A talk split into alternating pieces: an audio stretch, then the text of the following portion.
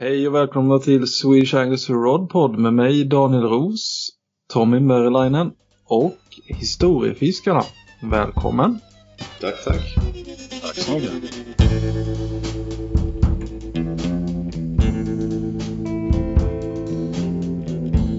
Swedish Anglers Rodpod presenteras i samarbete med Fiskekompaniet. I've had enough of your bullshit to last me a lifetime. So get out of here. I don't wanna see you around. Vem är du, Historiefiskarna? Ja, Henrik Jakobsson heter jag. Eh, uppväxt i Allingsås, fem mil utanför eh, Göteborg. Eh, trebarnspappa, eh, fru och barn, Volvo och villa. Mhm, du är från Alingsås, alltså det var det jag trodde. Jag kände igen dialekten där. Du, jag har ju träffat han eh, Joakim Åberg någon gång. Jajamän. Du, du känner säkert honom. Ja, lite, jag vet vem det är så, så här, men eh, det är inte så mycket att våra vägar har eh, korsats. Mm, nej, nej, nej. Ja, okej. Ja, men hur gammal är du? Eh, 1980 är jag född. Ja, okej, något år yngre än eh, Tomba då. Ja. Gyllene generationen. Mm. Man i sin allra finaste ålder och form. Ja, ja, ja. Visst. Nej, jag jobbar eh, på en skola, jobbar som fritidsledare. Så eh, hjälper till i skolan eh, med vissa elever som behöver hjälp under sin, skol, eller under sin skoltid, skoldag. Och sen öppnar jag upp fritids på eftermiddagen. Ja, okej. okej. Och du driver ju nu då Historiefiskarna på Youtube och Facebook.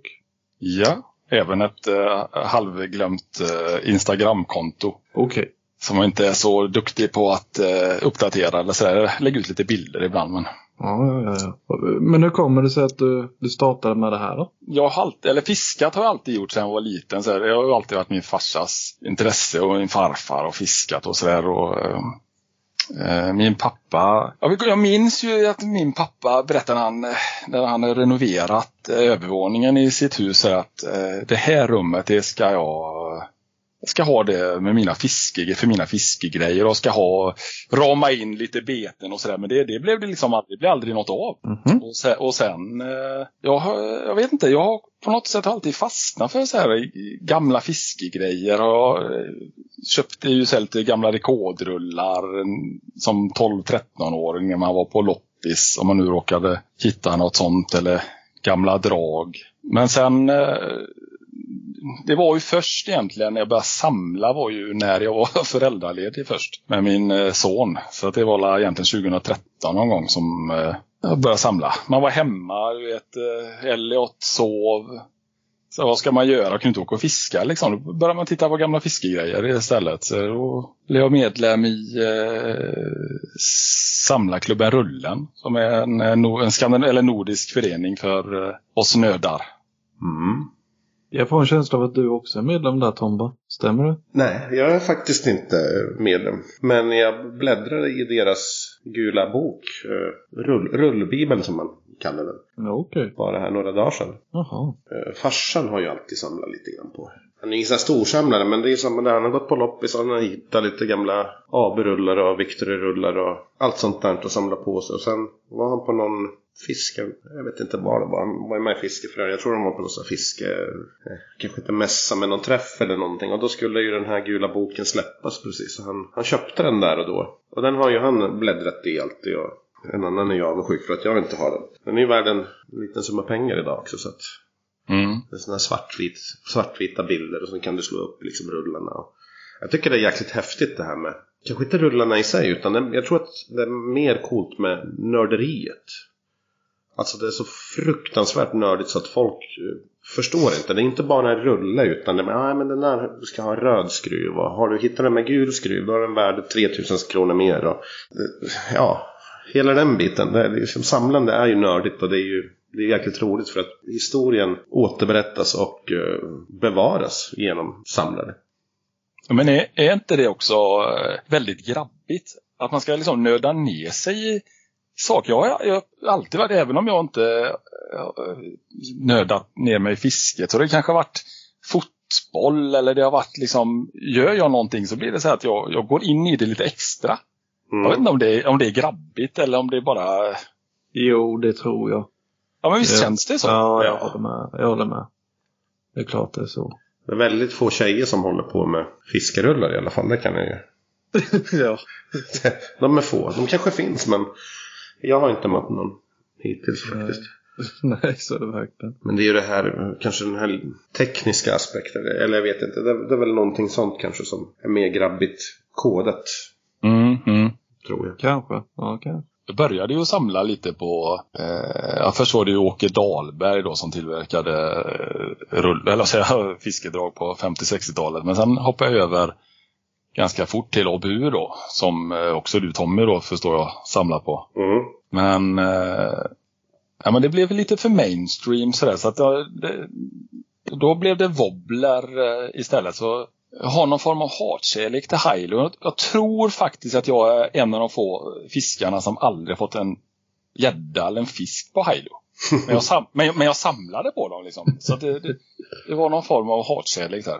Ja, vi ska vad heter det, komma till eh, ABU och Hilo och allt det där lite senare. För att det är väl ABU som eh, kanske betingar de högsta priserna. Det är väl för att de är mm, populärast helt enkelt. Eh, och relativt lättsamlat eller vad man ska säga. Det, fin- det finns ju väldigt mycket. Dels Mm. på loppisar och sådär i Sverige. Det har ju, de har ju sålt så otroligt mycket beten. Och som man jämför med Åke Dahlberg som kanske sålde, vad vet jag, 50 000 beten under hela produktionen. Så sålde Abu kanske 50 miljoner eller någonting. Mm, mm. Och sen är också stora fördelen med, med ABU är att de släppte ju kataloger eh, ganska regelbundet. Mm.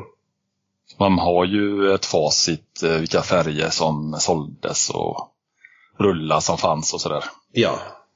Så det går ju.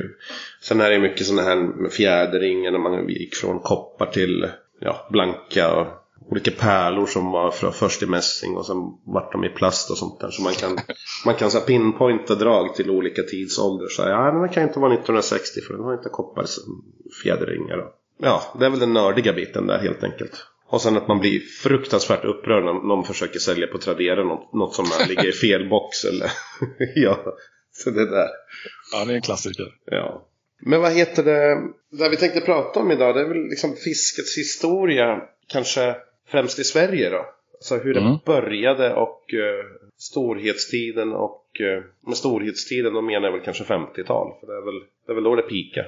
Ja, det får man ju ändå så säga att eh, 40-50-talet, det var ju, eh, var ju många av de större eh, företagen drog ju igång då. Arjon och BT och, och ABU och sådär. Mm.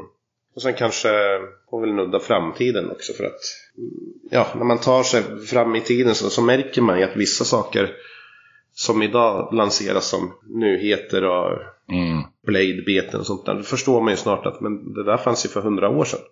Mm. Men du som vet, eh, när kan man säga att eh, fisket började i Sverige? Alltså, är vi på 1500-talet då eller? Alltså, nu tänker jag lina, spökrok. Ja, det är, det är en bra eh, fråga. Eh, om man går tillbaka eh, några hundra, eller bara kanske in på 1800-talet så just fiske eller sportfiske eller vad man nu kan kalla det för. Det var ju, det var ju mycket för de rika. Mm. Eh, jag menar in på, på bara 1900-talets början så jobbade vi inte så här till och med lördagar och hade 10 timmars dagar och så det fanns ju inte så mycket fritid. Det var ju få förunnat, tänker jag. Ja, för man får ju även skilja på fiske och nöjesfiske eller Ja, men, sportfiske. ja, precis. ja exakt. exakt. Eh, Så det är ju en, det är en bra fråga eh, när det kom.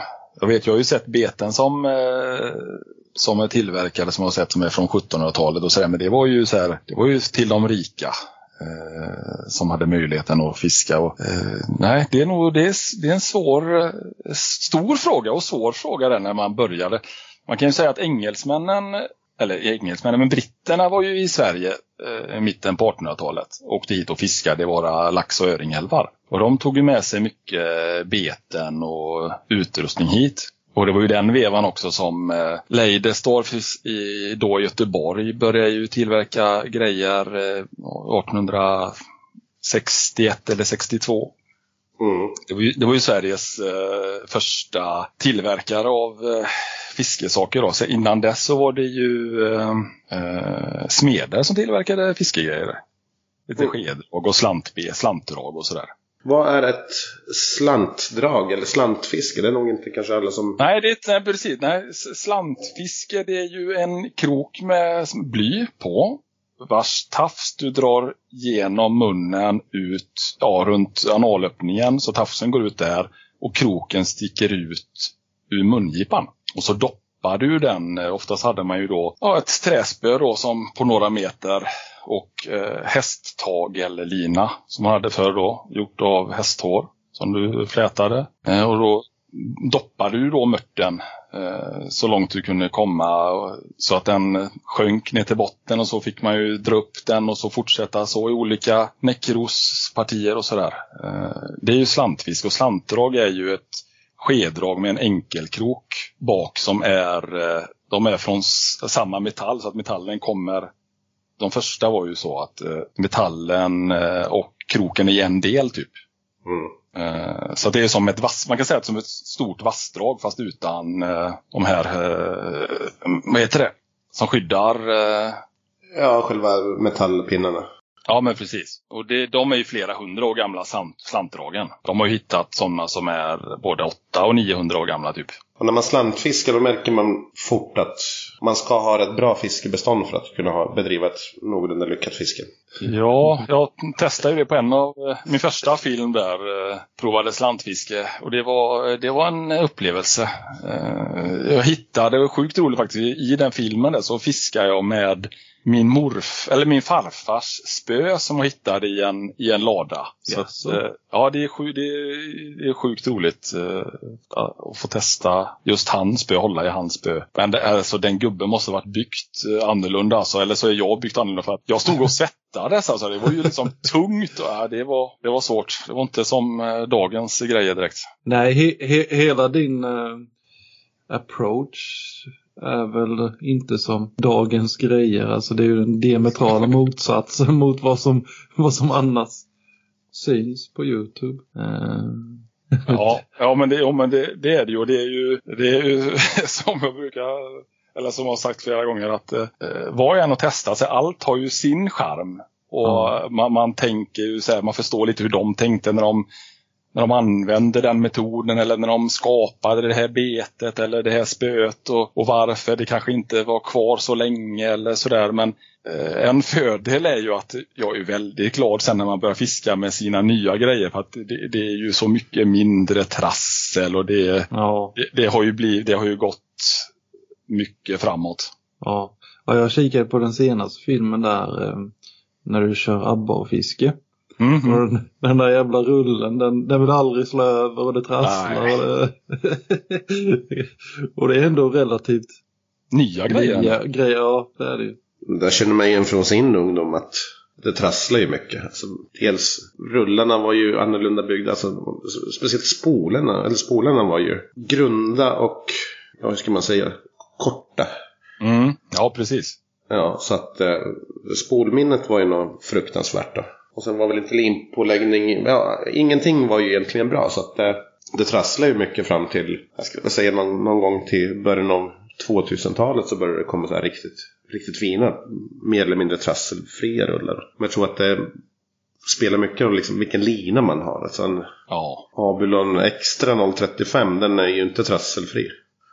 Nej. ja men, men när jag provade när jag gjorde den filmen så här. Jag, kommer inte ihåg, vad fick man så mycket trassel? För att jag har ju klippt bort alla trassel. Jag, du vet, jag fick ju sådana jag kastade och så helt plötsligt kom det ut ett nytt skat. Eller du vet. Jag bara, och så klippte jag bort, jag klippte ju bort säkert tio stycken bara på den filmen. Men vad, hade man så mycket trassel förr i tiden? Alltså jag kommer inte ihåg det som barn att man höll på och greja med trassel när man körde nylonlina. beror väl på... Jo, men nog fan alltså jag hade mycket trassel i alla fall. Men det är, allt är väl relativt. Det är väl vad man jämför med lite grann sådär. Man slängde ju mycket, alltså betorna var ju dels mycket lättare. Idag så kör man ju mycket, speciellt om man fiskar efter gädda. Alltså, ett bete på 40 gram är ju ingenting. Nej, det är sant. Men på 90-talet, ett, ett bete på 40 gram, det var ju, det var ju liksom magnumdrag utan dess like. Ja, det var otänkbart. Mm. Ja, det är sant. Så att det är klart, de flyger ju lite bättre och de har ju lite mer motstånd. Så jag kan vi tänka mig att linan las lite tajtare på rullen så att det liksom hjälpte väl till sådär med. Men det är klart, hade man en sån här 035 Abilon Top eller någonting sånt där och slängde en 7 grams reflexspinnare, då, då fick man ju trassel. Ja. Jo, det ligger nog mycket i det du säger. Mm. Jag vet inte, spön och sånt där. Förr hade man ju så otroligt stora spöringar. Alltså den första Mm. på de här glasfiberspöna, de var ju så stor så att man kunde nästan trycka en knytnäve där. Så att, Ja. jag, Men är det verkligen, eh, verkligen negativt då? jag vet inte men man, man kommer ihåg när någon kastar med sådana här gamla grejer. Man åker till någon sån här, ja, där det finns många sådana här som kanske inte är så duktiga på fiskar. Ja. Så man kan ju av ljudet bedöma vem som fiskar med en sån här gul kardinal och en niofots glasfiberspö. För det låter ju. när man slänger ut. Det, det har ju blivit lite bättre idag helt enkelt. ja, verkligen. Sen vet jag inte, alltså när kom nylonlinan egentligen? När slog den igenom i Europa? Kan, kan vi vara på slutet av 50-talet eller någonting? Ja, men någonstans där borde vi ju vara. För de tidiga rekordrullarna till exempel, de kom ju med sån här svart klassisk eh, siden sidenlina, samma lina som jag körde på den här 1920-talsfilmen. Mm. Dacron hade man också ett tag. Ja, just det. För det var ju någonting som var väldigt gammalt. Sen, sen när gäddfisket började utvecklas någon gång runt millenniumskiftet. Då kom ju Dacronlinan tillbaks. Det minns jag som polaren Sacco, han, han köpte ju Dacronlina. Jag tänkte, vad fan har du köpt för 1800-tals tråd? Men, Mm, mm. men det var ju liksom föregångaren till Flätlina. Precis, så att återigen en grej som man, man gick från spunnen lina till nylonlinan och åter till spunnen lina. Det, det är väl så det funkar, att grejer kommer tillbaks men det är ju utifrån behov. Alltså, vill man ha bra kontakt och kasta verkligen tunga beten och sånt där då funkar det inte med nylonlina. Eller funkar gör det men då måste de vara i någon 0,60 eller någonting och det är inte så kul. Nej, nej. Men om vi tar slantfiske och sen, vad kom efter det då? Då börjar vi vara inne på de här enklare rullarna och någon form av spön och sånt då. Ja, eh, i Sverige där. Eh, ska, vi, ska vi hålla oss i Sverige eller vad tycker ni att... Eh, Det kan vi göra. Eh, nej men eh, precis. Eh, de en, första enklare rullarna de såldes ju så här 1870, 1800... Ja, i- ja. Ladystorff var ju då i Göteborg mellan 1862 och så tio år framöver. Sen, sen flyttade de till eh, Stockholm och de sålde ju eh, en del engelska rullar då. Det var väl inga rullar man eh, kastade ut med Nej, utan det nej. var ju sådana här, alltså bara en centerpinnrulle typ. Ja, ja men precis. Och, och, precis. och det var ju ing, inte någonting med någon linspridare eller eh, Ja, knappt. någon Knappt Någon- en gång på vissa. Ja men, pre- ja, men precis. Och, och i- det var ju väldigt... Eh, det var ingen hög utväxling utan du fick ju veva. Det var ju nästan ett till ett typ. Mm. Och så var det ju spö. Var ju, antingen var det ju split cane eller så var det ju whole cane då. Whole cane är ju bambu där du nästan... Du skär det inte i bitar som man gör på split cane och limmar. Vänder ut och in på träet och sen limmar ihop dem som split cane är. Utan och whole cane var lite innan. Eh, Då var det ju hela liksom bambun. Ja, ett solitt stycke bara. Ja, precis exakt.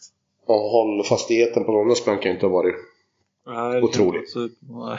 Nej, nej jag, jag har ju försökt eh, göra en film där vi fiskar lite med 1800-tals eh, grejer. Eh, både här bläckfiskar och slantdrag och spjuttackel och krokodiltackel som man klämmer på en, eh, en död betesfisk på. Då. Eh, och min granne var med och eh, fiskade där och så höll han i ett av spöna som är från 1880 med en rulle från 1860. Och så fick han hugg och vet så här, och, jag- och, vad, vad, vad, vad, hur mycket får jag ta i? Jag har ingen aning. Du, liksom, du, får, eh, du, får testa, du får testa dig fram. Och det, men den var ju, han var nog lite för försiktig för det tog ju inte så lång tid innan den eh, klev av. Då, men men ja, det är svårt det där. Och just det där, den känslan. Vi satt och kanske, vi trollade någon timme. Det fanns ju ingen du vet, back, eller så här backspärr eller du vet att du kunde klicka i så att eh, linan inte gick ut. Du fick ju liksom konstant sitta och hålla tummen på linan. För att annars så försvann ju, eller vet du, gick ju all lina ut. Mm. Så man fick ju, i, ja, det, det är mycket som eh, man undrar hur de löste det för. Det var inte så lätt. Nej, jag tror att det har varit väldigt mycket dragrodd genom tiderna. Ja, exakt. Ja, men precis. Och spöet och, och rullen, det var ju få svenskar. Jag tror nästan att mestadels av de som fiskade en, eh, en bit in på 1900-talet, de hade inte spö och rulle. Nej. Nej. Utan det var ju linvindar liksom. Och sådana finns det ju fortfarande gott om för att eh, går man på auktioner och loppis och så linvindar finns ju ja, nästan på varenda en. Ja, Med gammal lina kvar då. Du fick ju ett lite annat användningsområde också, strömmingsfisket. helt riktigt. Och, to- och torskfisket också, pi- pilka och... Ja. Så att då, då tog man de här och återanvände helt enkelt. Vi är ju en här, just det där kustnära torskfisket. Det var ju nästan en, eh, nu har ju- ju, går vi in en del i tiden här men jag kom bara att tänkte på det när du sa det, kustfisket där att eh, det var ju en del betes, eh, alltså de tillverkar ju jättemycket tunga spinnare och sånt skedrag för, bara för den kustnära torsken. När de fiskar från land. Det var ju nästan en, en familjesport, jag på säga. Det där, eh, inte familjesport utan Alltså som folkfest mer Ja, ja precis. Folk, folksport typ.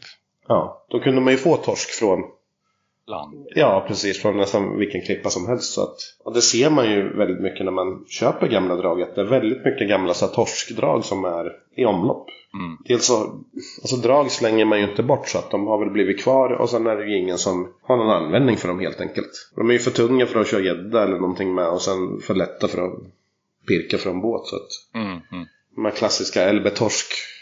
Och de har man ägt ett par då. ja, totalt värdelöst i precis allting man höll på med. Det borde ju funka ändå så till lake nästan. Typ någon sån här botten eller ha som... Ja, sänka blänke. Ja, exakt, exakt. Ja. Har du haft någon LB-torsk, Rosen? Nej, jag, jag tänkte precis säga det. Jag måste, jag måste googla här nu en LB-torsk ser ut. Ja, ja, Jag har ingen aning faktiskt. Jag tror att det är så enkelt så att det är två plåtbitar som man har stansat. Ja, alltså en blysänke på något vis. Den- ja. jajamän. I, I botten. Och sen hade de ju sån här lite så här klar, neo, eller vad heter det? Metallic, blått och rött och grönt då. Ja, ja, det finns, det fanns ju många tillverkare och dem, men det är ju det mest eh, klassiska där. eh, LB-torsk. Sen fanns ju den här Abu Koster fanns ju också som en... Ja, ja. Jag lyckas faktiskt inte ens hitta någon bild på det. Nej, nej, du ser. Nej, jag har ingen aning vad det är ni pratar om om jag ska vara helt ärlig. Ja, vi, vi får rota fram en bild. Ja, det får LB-torsk. Men om det funkar bra till lake, då är jag på. Ja, men den låg väl på, vad kan de ha legat på? Kan det vara 50 gram eller någonting sånt där? 50-60 gram tror jag. ja men jag, jag tror att de kom från så här 28-30 någonstans och så uppåt. Jo, jag minns att man, man testade ju spinnfiska gäddor med dem där, men man fick mest bottennapp. För man fick ju veva in så otroligt fort så att de inte skulle... Det är ju ungefär som att fiska med ett blysänke, så att det var ju, det var ju svårt. Men vad heter det sen från själva eh, centerpinrullarna Då går vi in i de första moderna sportfiskerullarna då. Och då, då tänker jag någonting som har liksom broms... Ja, kanske inte broms, men i alla fall ett utkastmekanism eller vad man ska säga. Någon form av... Ja men, jo, ja, men precis. Jag, jag testade ju, jag lyckades köpa två stycken eh, amerikanska rullar eh, som var tillverkade av eh, Meiselbach.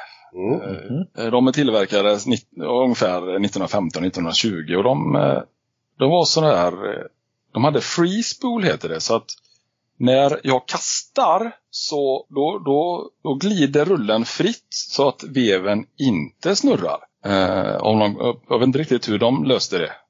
Men den har ju fortfarande då ingen slivbroms utan då får man ju sätta tummen på eh, spolen liksom. Mhm. Eh, Men hur, hur ser en sån? Ja, men den ser ut som en tidig, typ en rekordrulle om du vet hur den ser ut. Eller en Ja. eh, silvrig ambassadör typ. Ja, okej, okej. Då är man- Och det, och det gick att kasta, det gick att kasta ja, alltså helt okej. Kunde komma så här 20-25 meter i bästa fall. Men det var ju också en hel del trassel för då körde jag ju med 80 år gammal eh, lina som jag lyckades köpa. Det var inte trasselfritt kan jag säga, där heller. Nej, alltså de hade ju ingen evighetsskruva och linspridare eller någonting. Utan Nej, man, man får ju nej. liksom hålla på. Det är, det är väldigt mycket en teknikgrej kan jag tänka mig. För du ska, du ska bara ut med dem och testa. Men jag menar, de som fiskade med grejerna under tiden. De var ju de är liksom inne i det där. Så för dem var det betydligt enklare att fiska med de rullarna. Jo men, jo, men precis, det är ju så här, man märkte ju så här att det var konstigt. Helt plötsligt så låg ju all lina på höger sida av rullen. Mm. Så då fick man ju liksom eh, efter nästa kast fick man ju hålla på med ena fingret och eh, få linan att eh, gå över till andra sidan och mitten. Och, ja, det, var, det är mycket att, Det är inte bara att kasta och eh, veva och tänka på något annat utan man får också fundera på hur rullen och linan är. Och, ja, Men hur var linorna på den tiden? Var de behandlade med någonting? För jag kan ju tänka mig att om du köper lina som är 100 år gammal att någonting har ju hänt med den. Den är ju inte fabriks... Jag vet inte riktigt hur den, den känns lite som. Det är ju spunnen siden. eh, Denna den känns, jag håller på att känna på den här nu. Den är ju alltså ganska mjuk ändå. Mm. Eh, Men eh, jag tyckte att den, den trasslade sig betydligt mer än om man skulle haft flätlina på tycker jag. Ja, det kan jag tänka mig att, den, att det är. För det, det är ju svårt att veta det där att hur... Alltså man hittar en gammal, gammal rulle som är nästan 100 år gammal. Att, ja fan vad dassig den känns tänker man så här. Men då får man ju tänka på att den är 100 år gammal. Alltså hittar en cykel som är 100 år gammal. Den känns ju inte likadan som dagen den byggdes. Nej, just det. Utan att det har säkert skett vissa grejer som inte är så bra i de här rullorna och linorna. Det är väl i stort sett bara beten som är så som de var när de kom. Det är helt riktigt. Nej men det var ju, eh, när kom första ambassadören? 50, 52 eller? Uh, 5000 eller? Ja men precis. Rekordambassadör. Eh, Ja, det kom 52. Åke Myrvall va? Ja, men precis. Eh, och, just när slivbromsen kom, det måste ju varit... Ja, och, och kunna frikoppla också, det, det är ju... Det är lyx. Ja, men verkligen. Ja, men, ja, men på riktigt. Det, är ju, det måste ju kunna bara... Tänk att bara kunna hålla i, i spöet utan att behöva ha tummen på spolen konstant. Om man nu säger, man börjar med ABUs rullar som är väl de kanske mest kända för eh, gemene man sådär. Att de, de första var ju väldigt, väldigt simpla. Det fanns ju två plåtgavlar typ och en vev som gick rakt ut i, i spolen bara. Ja. Men det fanns ju ingen, ingen balans i det hela. Alltså det som hände med till exempel Ambassadör 5000 när den kom att rullen växte ju på bredden. Den fick ju broms och den fick ju allting. Och den, samtidigt så fick den ju en mycket bättre balans. Alltså det är svårt att balansera någonting som inte väger någonting överhuvudtaget. Mm. Så det tror jag är en, en stor grej sådär. Rullarnas utveckling, att de faktiskt blev större. Men du menar på att eh, 1952 då, då var det ingen utväxling på rullarna? Utan då var det direktmonterat på spolen? Eller? Ja. Ja, ja 1952 eller? Aha. Nej, då fanns, det, då fanns det utväxling. Ja, ja, Ja, men det, det fanns ju utväxling långt innan också, men det var ju inte så hög som idag. Det kanske var, eh, ja, om jag snurrar veven ett varv så kanske spolen snurrar eh, tre. Ja, Mm. okej. För att det Just var eh, så här, eh, 1 till 3 då blir det va? ja men ja, Säger ja, vi. ja, Leker med precis. tanken då. Det- det Kan vi säga. Jo, Ja. En annan grej, jag har också en annan eh, liten amerikansk, eller liten, den är lite större än en vanlig ambassadör, en eh, Fluger, jag tror den heter Mohawk. Mhm. Eh, och det var en trollingrulle från eh, 20-30-talet. Eh, och där gissar jag att man fiskade lite eh, hå- mer hårdfightande fisk, kanske tarponer eller någonting. För där sitter det en broms på rullen som man klappar till med tummen. Som, det blir som en, alltså en pedal. Jag kan in. nästan se det framför mig faktiskt. Ja men du vet istället Ja. för att man ska få bli skinnflådd så trycker man liksom på en, en träkloss där som går på sp- spolen. ja. Så att det, det blir som en eh, liten broms där typ. ja, just det. Pedal. Och det känns verkligen som första steget mot Ja, men- en men- eh, broms ja. Det känns som väldigt naturlig evolution. Men, eller hur? Ja, men det, någon måste ju vara väldigt trött där när man fiskat eh, någon lax eller någonting eh, och börja ta emot bromsa med tummen eller fingrarna. Det, det, Ja, man blir trött sen eh, när halva fingret är borta liksom. ja, ja, visst. Ja, för just laxfiske och sånt där, det, det, har, det har ju bara i stort sett bedrivits med alltså flugfiske. Ja. Och det har ju bedrivits jättelänge innan, innan spinnrullar och sånt där kom. Så att det har ju, det har ju funkat sådär så att men att lax, fiska lax, alltså stor lax i stora starka 11 med spinngrejer. Det var nog en omöjlighet fram till ja, men säg 40-50-talet i alla fall. Ja, eller det är väldigt, väldigt svårt. Ja. jag menar, har du ingen broms och du lägger tummen Nej. så då har man ju inte mycket kvar av skinnet. Nej. Ja, häftigt. Sen är det just den här evighetsskruven som var en väldigt, väldigt stor grej som uppfanns. Det är ju då den som gör att, att du kan veva att den, liksom, linan går från höger till vänster och tillbaks hela tiden. Mm. Och då slapp man ju det här problemet att man ska hålla på med tum tummen. Man fick ju ett, ett någorlunda jämnt lim på, på lägg i alla fall. Och vilken var den första rullen som hade den funktionen då? Vet du det? Jag tror, om inte jag minns helt fel nu, att det är ett engelskt företag. Han heter Houstonson, den gubben, att han gjorde en alltså tidigt 1800-tal. Men eh, jag vill inte, jag är inte helt säker. Men det finns ju väldigt många olika så här, varian- varianter. Eh, Har du, har du hållit i en eh, Rainbow 888 eller? Mm. Det har Den jag gjort. ju, ja men precis, den är ju ganska rolig för där tänkte de ju tvärtom. Så att när, du vevar, när man vevar in där, då hoppar rullen höger åt vänster istället. Då, går, då, då rör den sig. ja, häftigt. Ja, den är, jo, men det är riktigt, riktigt kul eh, idé. Eh, och sen vet jag också, jag har sett en amerikansk rulle, men den är inte lika tidig. Det är ju 30 eller 40-tal. Då istället för en linvinda, då är det en böjd metall så att det blir som en liten våg istället som den går på. Som gör att den rör sig åt eh, vänster och åt höger istället, linan. Just det. Men jag vill minnas att, eh, att eh, Houston som gjorde någon tidigt, men eh, ja. Är det engelsmännen generellt som har varit väldigt innovativa eller? Ja, Engelsk- jo, ja, sportfisket var ju ganska tidigt eh, ute där. Eller sportfisket, just eller, fritidsfisket eller sportfisket om man ska säga. Eh, de skrev ju böcker eh, både 16, 17 och 1800-talet om Mm. fiske och sådär. Mm. Ja, de, de var väldigt, väldigt tidigt med i stort sett allting där. Men det, det var ju mycket grejer som de, om man nu tänker på, på Sverige, vi, har- vi har ju väldigt mycket sjöar och, och hav såklart. Men framförallt sjöar där man fiskar. Engelsmännen har ju mer åar. Mm, det är sant. Så att de hade ju väldigt fiffiga grejer som var lämpade för just för år. Om man tänker på, om man tar det här lite tids, tidsenligt. Att ett stort problem var ju att vi hade ju inga lekanden överhuvudtaget. Det fanns lekanden, jag vet inte när de första kom, men de var förmodligen skitdyra att köpa och allt sånt där. Så att alla, all form av spinnare och beten som, som spann helt enkelt. Det, det gick inte att fiska med för att vi kunde göra tio kassar, hade så mycket trassel så att eh, ja så till, exempel, till exempel Abu, de löste ju det på så vis att de hade vissa, vissa spinnare som eh, svängstacksskruven. Du vet kanske hur den ser ut? Jajamän. Eh, Så då hade man ju höger och vänster skruvade. Så du gjorde ju först 10 kast med vänster skruvad. Så, spann linan liksom. Vänster, så bytte du den, så gjorde du 20 kast med en högerspinnare. Så liksom 10, då var det ju 0 och sen kunde du liksom 10 tillbaka. Och sen bytte du till vänster, så kunde du göra 20 kast. Alltså vilket meck! Och, och då ska du också eh, tänka, går man tillbaka då så här på slutet av 1800-talet, de beten som fanns då, allt snurrade. Mm.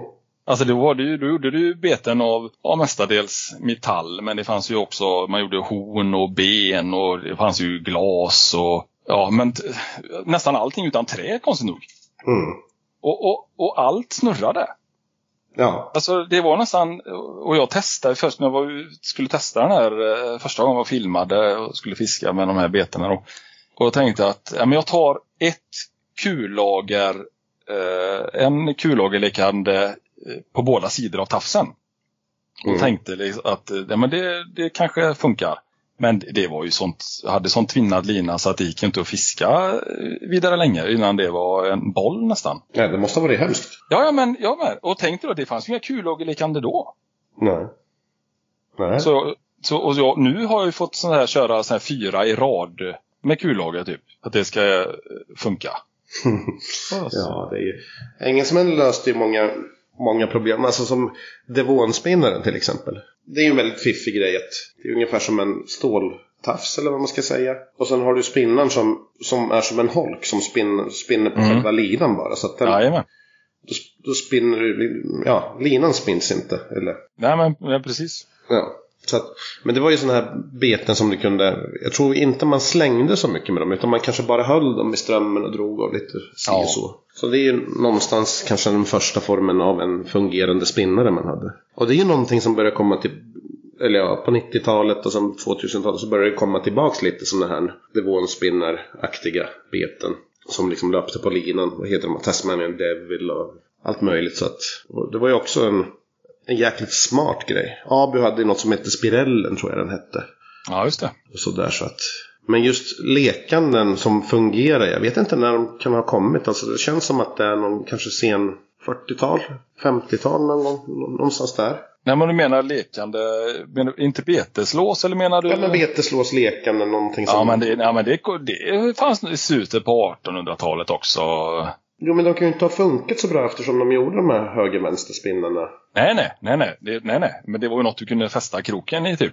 Ja, Eller ja, fästa betet i eller något sånt där. Det var ju inte så att det fixade något trassel eller sådär. Ja, nej, men jag tänkte de här trasselfrihet. Det måste det kanske vara på Ja. början av 50-talet. Ja. Sånt. Ja, det, ja, det är nog så. Mm. Eh, eh, En fråga här nu. Eh, Höger vänsterspinnare.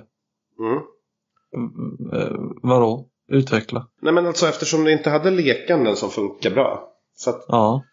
Då hade du en spinnare som svängstaskruven. Det är ungefär som om du tar en plåtbit. Sen böjer du den så att den blir som en spiral. Ja. Så när du kastar med den där då snurrar den ju. Ja. Och då snurrar den ju till, ja alltså åt vilket håll du hade bockat den. Eller de hade bockat den. Säg att de hade bockat den till vänster. Då spanns ju linan åt höger tror jag det. Men vi, vi säger vänster till vänster för att hålla det enkelt då. Ja. Och så gjorde du 10 kast. Så för varje kast så, så tvinnades ju linan till vänster. Ja. Men om du gjorde 15 kast då tvinnades den så jävla mycket så att då fick du då, det gick inte att fiska, du fick sådana trassel. Så då bytte du drag till ett som var spannlinan åt höger då. Mm. Ett likadant bete. Så kunde du göra 20 kast för att du 10 kast då var ju tillbaks till noll och sen kunde du ju liksom spinna 10 kast till och sen bytte du igen och sådär. Mm. Så vissa beten hade ju höger och vänster. Förmodligen skulle jag tippa för att undvika trassel helt enkelt. Jag kan inte se någon annan förklaring Nej, till. så är det ju såklart ja. Mm. Men jag har faktiskt aldrig hört det förut. Nej, Och jag tror inte det är jättemånga andra som lyssnar på podden och har hört det heller. Ja, det är ju då de äldre såklart. för att just Abu, de, de var ju duktiga på att ta in. För man säger så här, Abu, de första dragen kom ju någon gång 40, 44 kan vi säga. Då var vi nog inte helt fel ute där. Mhm. Och 50-talet var ju Abus stora guldålder. De hade någon sån här helt bizarr marknadsdel i, runt världen. Jag tror de hade typ så här 50% eller någonting. Alltså det var något helt sjukt. Så att de började ju ta in mycket beten från andra länder som de sen eh, abufierade eller sådär. Så att många av de här dragen som, som idag är såna här riktiga abu-klassiker kommer ju från helt andra tillverkare. Liksom Hilo, Atom, Mörrumspinnaren, Högbombspinnaren, Kaleva, nä, nästan allihop Killer. Cello. Ja, Cello Dipcello, eh, Kynok. Det är väldigt så klassiska amerikanska former på, eh, på wobblerserna som de hade. Som Mhm. folk förmodligen inte kände till här. Som Hilo, det är en, det är en rätt klassisk form av, av bete. Men den kommer väl från en, vad heter den, Riverrunt.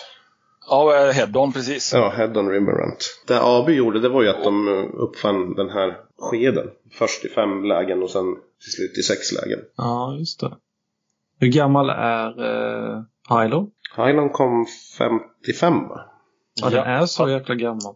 Patentet, eh, jag tror att de skickade in patentet 53 Mm. på, Jaha. på skeden. Så de första Hilorna, de är märkta då. Och, och vad heter det? Obu Hilo Sweden. De första två åren kanske. Och sen blir det då patent då Mm. något år efter.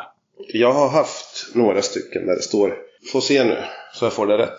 Abu, Hilo, Riverrunt, Head-on. Mm, Sweden. de gjorde ju några sådana, jag vet inte om det var något prototypdrag. Nej men de såldes ju på eh, amerikanska, för då är det de som är 18 gram som är den näst största storleken. Precis. Ja, så de såldes ju även på, de, de var ju till för amerikanska marknaden typ. Mm. Men den är, de är, Highland är egentligen en direkt kopia av den då eller uppköpt av eh, den är köpt liksom från ett amerikanskt drag som har funnits kanske i 30 år då eller? Eller hur? Head on Spooksen har ju funnits väldigt Ja, länge. Ju ni- 1920-tal kom ju först eh, Head on Vamp. Mm. Eh, och, och då var den ju i trä då. Och sen då som du sa, Spook. När det är Spook tillägg på wobblenamnet, det betyder att de gjorde i plast. Mm. Så Head on Vamp Spook då, då är det ju i 30-talet typ. Och det är, ju Mm. den, det är ju den kroppen då nästan. Så att om, nu är jag inte jätteduktig på eh, ABU och dess historia så att eh, jag kan ha fel nu. Eh, men det, det jag kommer ihåg av det där är att ABU fick låna Head-On-kroppen mot att Head-On fick sälja beten i Sverige då under ABUs namn på något sätt. Så att de sålde ju en del drag i ABU-kartonger, eller askar. Jaha. Inte många alls för att de betingar ett högt pris. Jag har haft ett gäng sådana där men det är ju, de är få. ja, och jag kommer inte riktigt ihåg vilka de eh, krängde heller. Och du hade ju dels den här, vad heter den här? Stingari. Kommer du ihåg den här platta? Det ser ut som en plattfisk en wobbler. Eller Ja, vad- fast den sålde inte AB. De sålde ju den här lite Solabors, vad fan heter den här lite? Ja, Pumpkin Seed. Eh, precis. Och sen, vad fan heter Sonic. Sonic. den? Sonic, ja. Just det. Just. Sonic. Som, som är ett vibrationsbete idag egentligen, skulle man ju lägga den som. Ja, precis. Och sen, eh, vilka är det som gör Kunocken? Det är ju den här klassiska, eh, den kommer från Kanada? Ja, men precis. Jag tror den hette Kynok Killer eller något originalet. Och det är den här klassiska, alltså pluggen eller vad den kallas för, plugg. Ja. ja. Trolling, Trollingpluggen, den här V-formade nosen och sen en spolformad kropp som blir lite vass i, i slutändan. Så den, den sålde jag AB också. Det är, ja, det är den klassiska laxtrollingsformen eller vad man ska säga. Och då är vi inne på, är det, eh, är det slutet på 60-talet? Början på Slutet på 70-talet? 60-talet. Där Ja, har jag ja, för ja. mig det. Ja, men jag tror det. Det känns rätt. Mm. Och killen kom ju samma veva där också. Eller ja, killen kom ju lite tidigare förresten. Ja, Den kom ju först, ja, 59 Fem, första, ja, precis. första generationen till vad är det, 66 eller något. Sen kom ju den här Rebel. Rebel eh, de la in betarna från Rebel, den nästa generations Ja, och sen hade de ju någon gång på 80-talet hade de här riktiga rapala och kopiorna också. Det var nästan lite pinsamt där. Ja, men har du sett något som verkligen är pinsamt? Alltså, så- ja, men på riktigt, det, det är ju Alaska Hylons, nej men, nej men Hylons förfall. Alltså från de här, nu har jag alltid ha, så här, hatkärlek till dem, men ändå så det är ju en eh, tämligen ganska fin wobbler 50, 60, 70, 80-tal. Sen började de kanske släppa in vatten, för jag kommer ihåg att man kunde köpa in, när jag köpte själv, så här 40 grammare som var gjorda i Korea och Japan och allt. Jag kommer inte riktigt ihåg, Taiwan att vissa 40 grammar kunde, köpte man tre så var det i alla fall en som, eh, trots att den var flytande så sjö- sjönk den. mm. Men, men och så går man tillbaka för, ja, för tio år sedan, då hade de ju limmade ögon istället för mål. De hade liksom, det kändes som de sket i allt. Ja, det vart ju så med AB. De, Ja de, men exakt. 82 flyttade de väl till eh, Asien. Asien ja. Och då, då vart det ju att nu skiter vi i allt i stort sett. Den, den känslan var det med AB fram till i stort sett till millenniumskiftet. Det var lågt, låg kvalitet och liksom allt de gjorde var ju så här lite halvhjärtat tycker jag. Men nu har de ju kommit tillbaks lite grann. Alltså de har ju uppgraderat sin, sitt kunnande. Liksom, rullarna är ju ja riktigt det är inte bra. mycket att säga om där. Nej, men just det här att de tagit in svartsonker och de har heta beten och heta fiskare och så att nu känns det ju som att det är på G igen i alla fall. Efter en väldigt lång tid. Men är det så mycket alltså beten? För jag, jag var inne faktiskt idag för jag kollade med en elev på skolan sådär, eh, napp och nytt. Men det, det kändes som att det var väldigt mycket Berkeley-beten och det var inte så här mycket, det var inte mycket ABU egentligen. Nej, det är det nog inte. Det är nog mest Berkeley och det är väl de här svartsonker-grejerna. Ja, jo men precis. tror jag som är. Men, men det har väl förändrats mycket det här idag. Jag menar, köper du in någonting från, jag vet inte, Westin eller CVC eller vad de nu heter. Man vet ju inte vart betena kommer ifrån. Rosen kanske vet. nej, nej jag, jag är ju metare så jag vet inte riktigt. så. En stor del av, alltså alla beten är väl från Asien idag. Så är det ju. Inom metet så du kan köpa ett hovskaft som är liksom specifikt hovskaft från Drännan säger vi så köper du samma hovskaft från något annat fabrikat. Alltså de är ju identiska, det är bara lite färgskillnader i stort sett. Så att Ja, ja. jag tror att de görs i några få fabriker och sen några mindre liksom, detaljskillnader. Så. Det är väl kostnadsskäl kan jag tänka mig. Men just Abu på den tiden, jag tror att Abus problem var nog att de eh, inte hade kunnig personal egentligen. Från 60-70-talet och framåt. Det kändes som att de precis bara, de, de hittade liksom inga ingenting nytt utan allt som kom var lite så här halvhjärtat och de följde inte tiden. Och, så jag vet inte de här som Borgströmmarna om de egentligen var så haja på fiske. De, var kanske mer businessmen bara. Ja, jag har inte jättestor koll faktiskt på, på dem och hur duktiga de var på den biten. Nej men det var ju nästan varje år. Men nu har vi kommit med två nya färger till Tåbydragen och Atomdragen och that's it. Jo, men, ja, men eh, jo. Och sen tänker man också sådär, eh, man, man tror ju att, att de skapade mycket beten, men det var ju mycket andra som gjorde beten. De här eh, Cello, Cello Dip, de var de här klassiska gummiwobblerna Mm. som nästan alla tror att det är ju ABU som har gjort. Men det var ju Burke i USA som, som gjorde dem som Mm. de köpte in och som målades de då i, i, i fabriken. Men det, ja, så, så mycket just wobbler, det är det bara första generationens killer som de gjorde. Nej, de gjorde, Eller- väl, nej, de gjorde väl inte den heller va? De köpte väl in den med tror jag. Är det så? Ja, jag tror det. Ja, jag är osäker. Sen hade de ju ett australiensiskt drag som hette Snooky om du kommer ihåg. Ja, nej men, nej men det var också, det var också amerikanskt tror jag. Nej, det är väl austro- australiensiskt, inte Dollfish eller vad den heter. Ja, ja precis. Ja, det kanske är australiensiskt. För mig. Jag kan ha fel, ja. men det, det är också något sånt där. Det var ett riktigt pissbete var det ju. Ja, ja, ja. Ser inte alls eh, vidare roligt ut. men, men man tänker så här, hur svårt kan det vara att ta fram en wobbler? Det kan ju inte Ja, vara så- omöjligt. Eller så tänkte de att det är så jädra många andra företag som gör wobblers. Eller jag har ingen aning vad de tänkte. Nej, jag tror inte de tänkte överhuvudtaget. Nej. Har du läst boken den här från Lyckokast i bottenlapp? Nej, faktiskt inte. Jag har försökt få tag i den ett par gånger men det har inte... Jag har typ kommit tvåa och trea så på auktioner. Ja. ja jag, jag har den hemma, jag har läst den. Men det var ju, det kändes där också att det var mer företagsekonomi än, än liksom fiske. Mhm. Var det. Jag vet inte, det var... Det är konstigt hur man kan köra ett företag så i botten på så kort tid. Alltså från total världsledande till ingenting i stort sett. Ja, det är... Ja, men ja. Nej, det är, det är märkligt faktiskt. Mm. Men du gillar ju wobbler, det har vi ju förstått. Ja, det, det, eller det, ja, det gillar jag. Om vi snackar lite värde här då. Ja, det är en bra, det är en svår fråga. Ja. Vad, när du samlar på wobbler, vill du bara ha alltså, vad som helst eller är det liksom värdet som bestämmer? Eller? Nej, ja. Nej, absolut inte. Just nu eh, så är det väl... Eh, ja, men eh, ser det roligt ut kan jag köpa det. Eller så kan jag ha en tanke på att eh, den skulle vara rolig att filma och se hur, göra lite undervattensfoto på den och se hur den går eller hur den beter sig. Och, eh, men det som hänger på väggarna, eh, det är väl amerikanskt, tyskt. Dam samlar, jag gillar deras wobbler.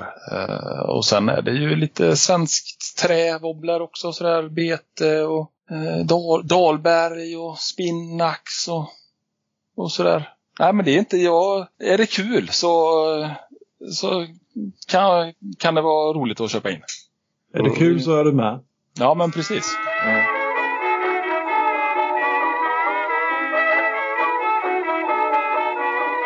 Jag, bara, jag har suttit och funderat lite här nu eh, på böcker och, och då började ni nämna lite där om böcker och sådär.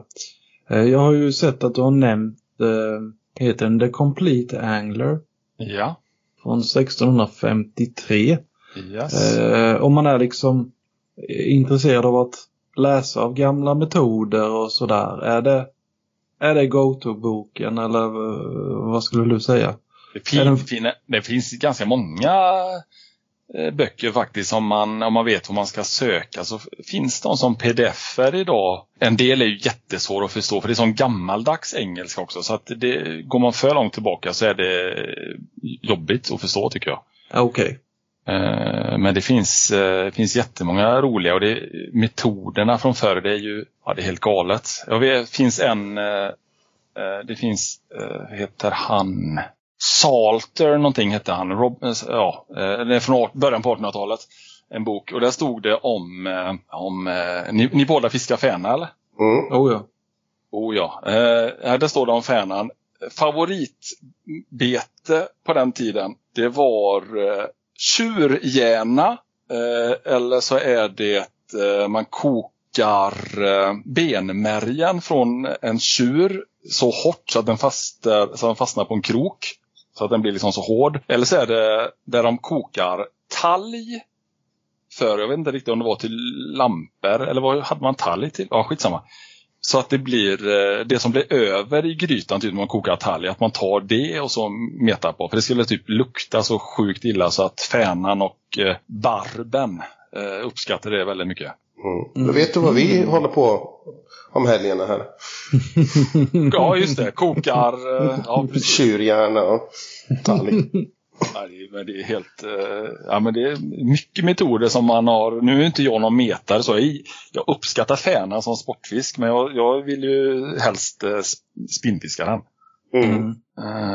Men det är mycket sådana. Ja, ja. Jo, men det, det är en konst. Det, är inte det en fisk som...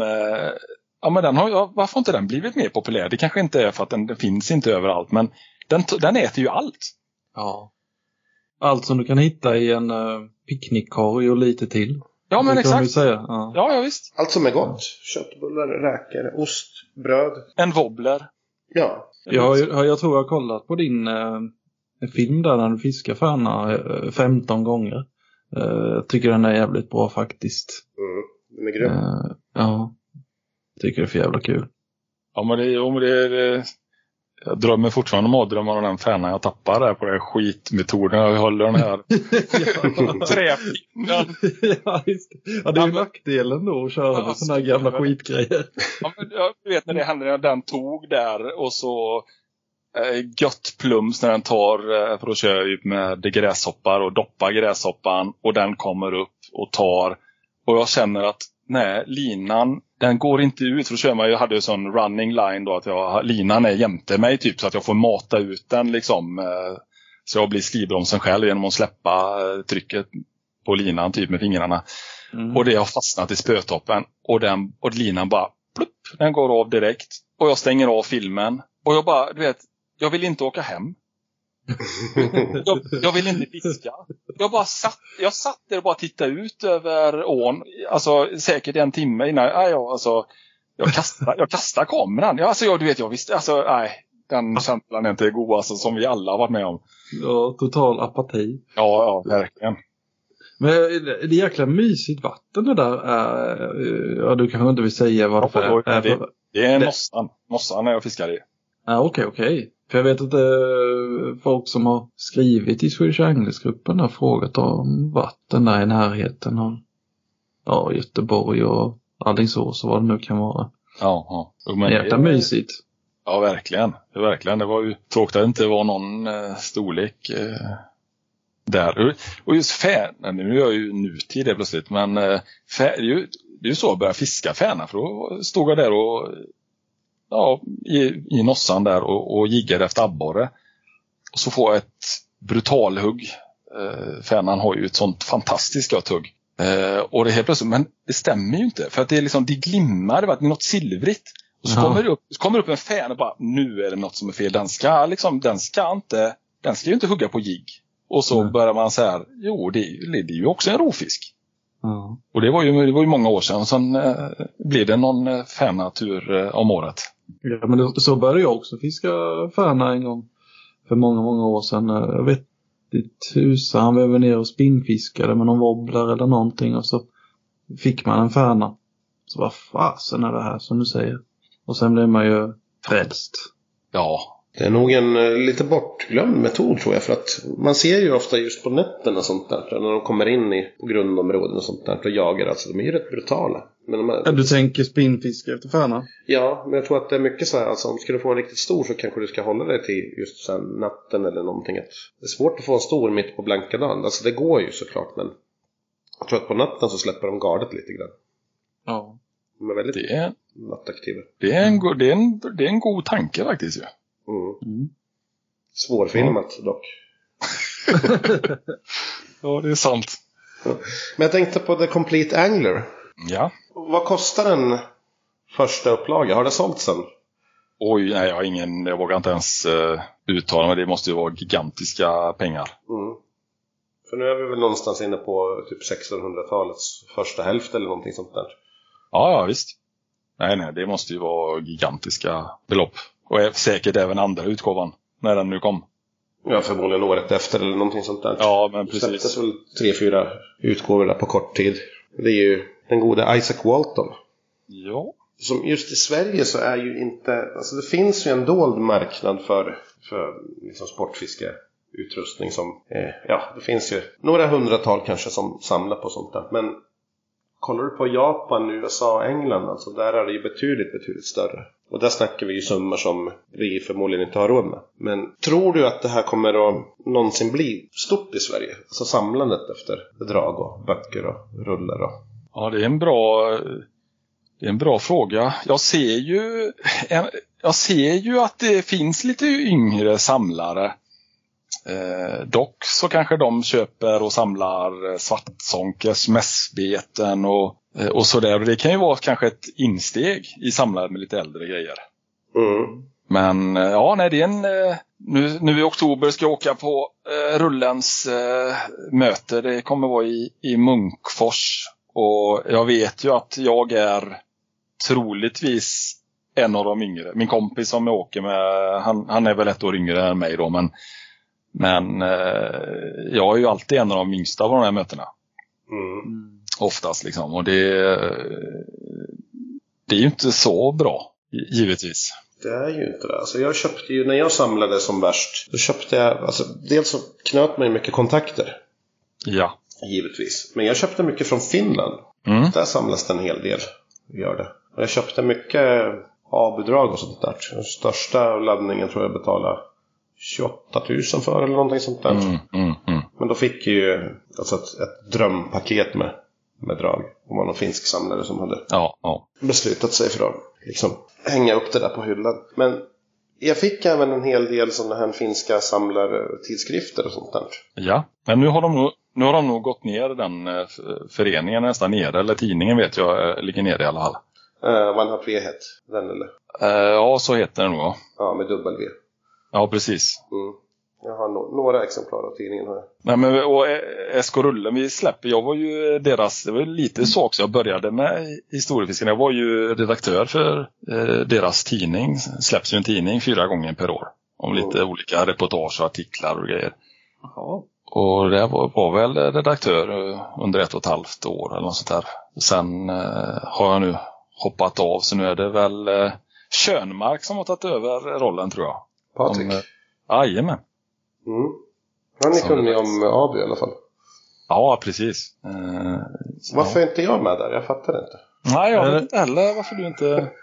Jag blir Ja, men det är- ju ett jäkligt gött gäng sådär. Eh, och jag vet när jag tog mina stapplan, första stapplande steg som, som samlare. Man började skicka meddelanden eller mejl till, till folk och frågade. För då var det ju, då brann jag ju mest då för Åke Dahlbergs beten.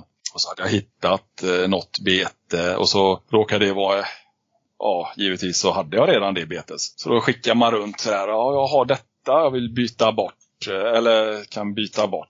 Eh, och så fick man lite kontakter men jag vet- ju att jag så frågade någon samlare Men har du något annat eh, att byta med? Och, och du vet, jag var ju inte så kunnig som man skickade. Du vet, jag skickade ju bilder på och som idag, jag skäms ju fortfarande. Det var ju ren skrot liksom. Jag skickade bilder på, ja, men jag har det här och jag, du vet, jag har ju ingen aning om det är värt, om det var värt 5 kronor eller 150 eller 1500 liksom. Mm. Och, men det, man blir ju väldigt bra bemött och, och eh, man fick ju lära sig väldigt mycket eh, från de andra samlarna. Och hade jag inte fått, hade jag inte blivit så väl bemött så hade jag inte, eh, hade jag kanske slutat direkt. Vem vet liksom. Nej, det är tufft att komma in om man... När man inte är kunnig liksom. Nej, men alltså om folk är otrevliga. Liksom, vad, är det för jävel som kommer hit med något gammalt Toby och Ja men precis. så är det. Men om man säger så här. Rullarna. De tre stora tillverkarna som folk samlar på i Sverige. Det är väl Rekord, alltså Abu-rekord, Mm. Victory och vad skulle vi ha som en, en trea här då? Arions rullar. Ja, Arion såklart. Arion och när det kommer till beten så har det återigen Abu, Arion och Leidestorff. Det är väl de tre stora. Ja, det finns ju många där. Det finns ju många som in, alltså många samlare som eh, går in för olika grejer. Det finns ju de samlarna som eh, nästan bara samlar antikt eller samlar så här 1860 eller fram till 1930-40 typ. Mm. Men det är ju svårare med värde på sådana grejer har jag märkt. Ja, Alltså sådana som är inte listade och sådana som är kanske gjorda i någon, ja, på något bygge någonstans eller någon skjul eller... Alltså är det värt 5 kronor eller 1000 kronor eller 15 000 spänn eller... Och sen, och sen är det också så lurigt när man pratar eh, värde på fiske. Jag vet, jag hittade, eh, jag köpte upp eh, en mindre samling rullar och då var det en eh, ABU 3000. Det var ju någon form av billighetsambassadör. Mm. Eh, var lite gulorange typ. Eh, gjord i plast eller någon form av den var liksom gavlarna gjorda av bakelit eller något konstigt. Inte bakelit men någon form av plast. Ja, det ser ut som en gammal telefon ungefär. Ja men precis. Eh, och den var helt ny i förpackning. Eh, jättefint skick och jag sålde den, la ut den på Tradera för att jag, hade, jag vet inte om jag hade redan en. Så det var, hade den dubbelt där. Så jag la ut den på Tradera och fick, eh, jag tror jag fick 2000 kronor för den. Mm. Eh, och så här, det var ju sjukt sjuk, sjuk bra. Och sen såg jag att det gick ut en likadan i ungefär samma skick. Någon vecka efter. Och den gick för 800. Så det har ju liksom allt med vilka samlare som just är där då. Och har de den eller? Så att priser kan också gå väldigt mycket upp och ner på kort tid. Ja, jag köpte ju. Det var ju någon som faktiskt eh, hörde av sig till oss och hade lite gamla drag och sånt där. Först ville han ha dem värderade. Så jag, ja, han skickade väl bilder. Det var väl kanske ett hundratal drag. Inga märkvärdiga sådär. Men det var kanske några som var lite värda ett par hundra eller sådär. Och då skrev han till mig att ja men den där är ju, har jag sett gå på Tradera. Du har värderat den för till 200 och jag har sett att de går upp för 400. Jag sa jo men det är skillnad på topppris och en värdering. Ja. Det är ofta sådär att det är någon rulle som någon lägger ut, någon lite svårare rulle och sen är det kanske tre personer, jag vill säga att det är två personer som vill ha den. Och rullen i sig är värd 1000 kronor. Men de är båda villiga att gå till 2000 bara för att få den i samlingen. Mm.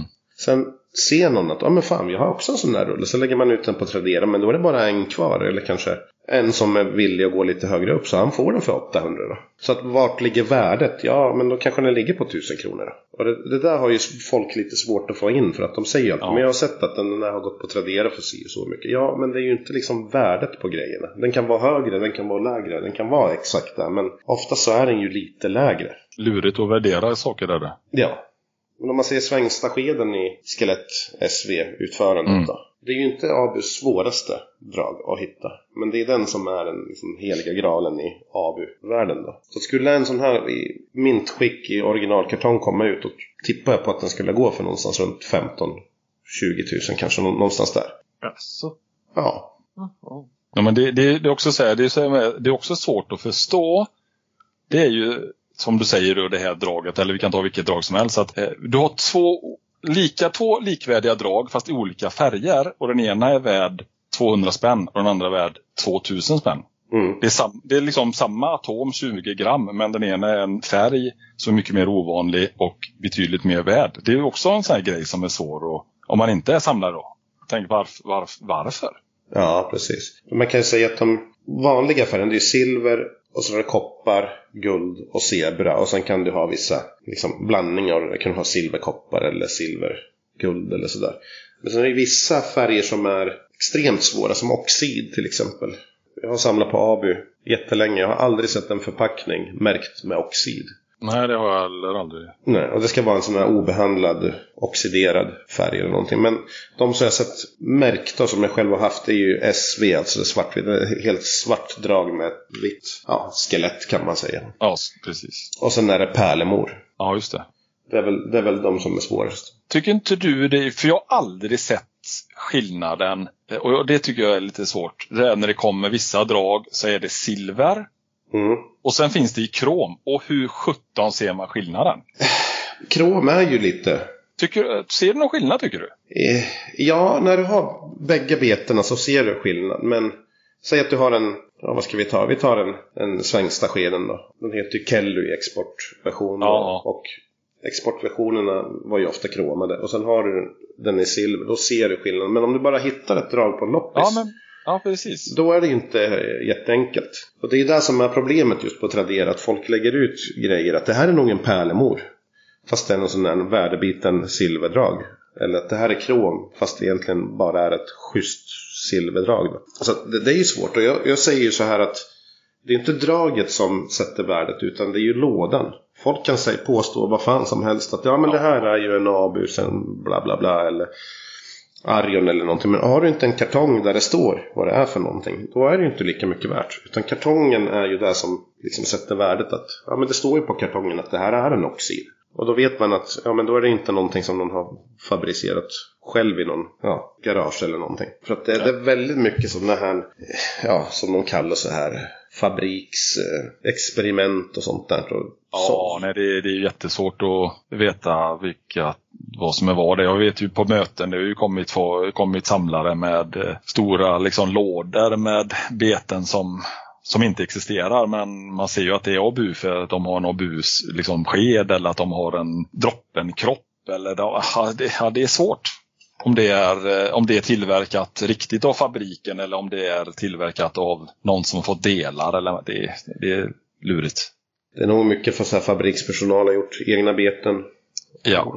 och sånt där. Och sen, som Abu gjorde, de skickade ut beten till folk.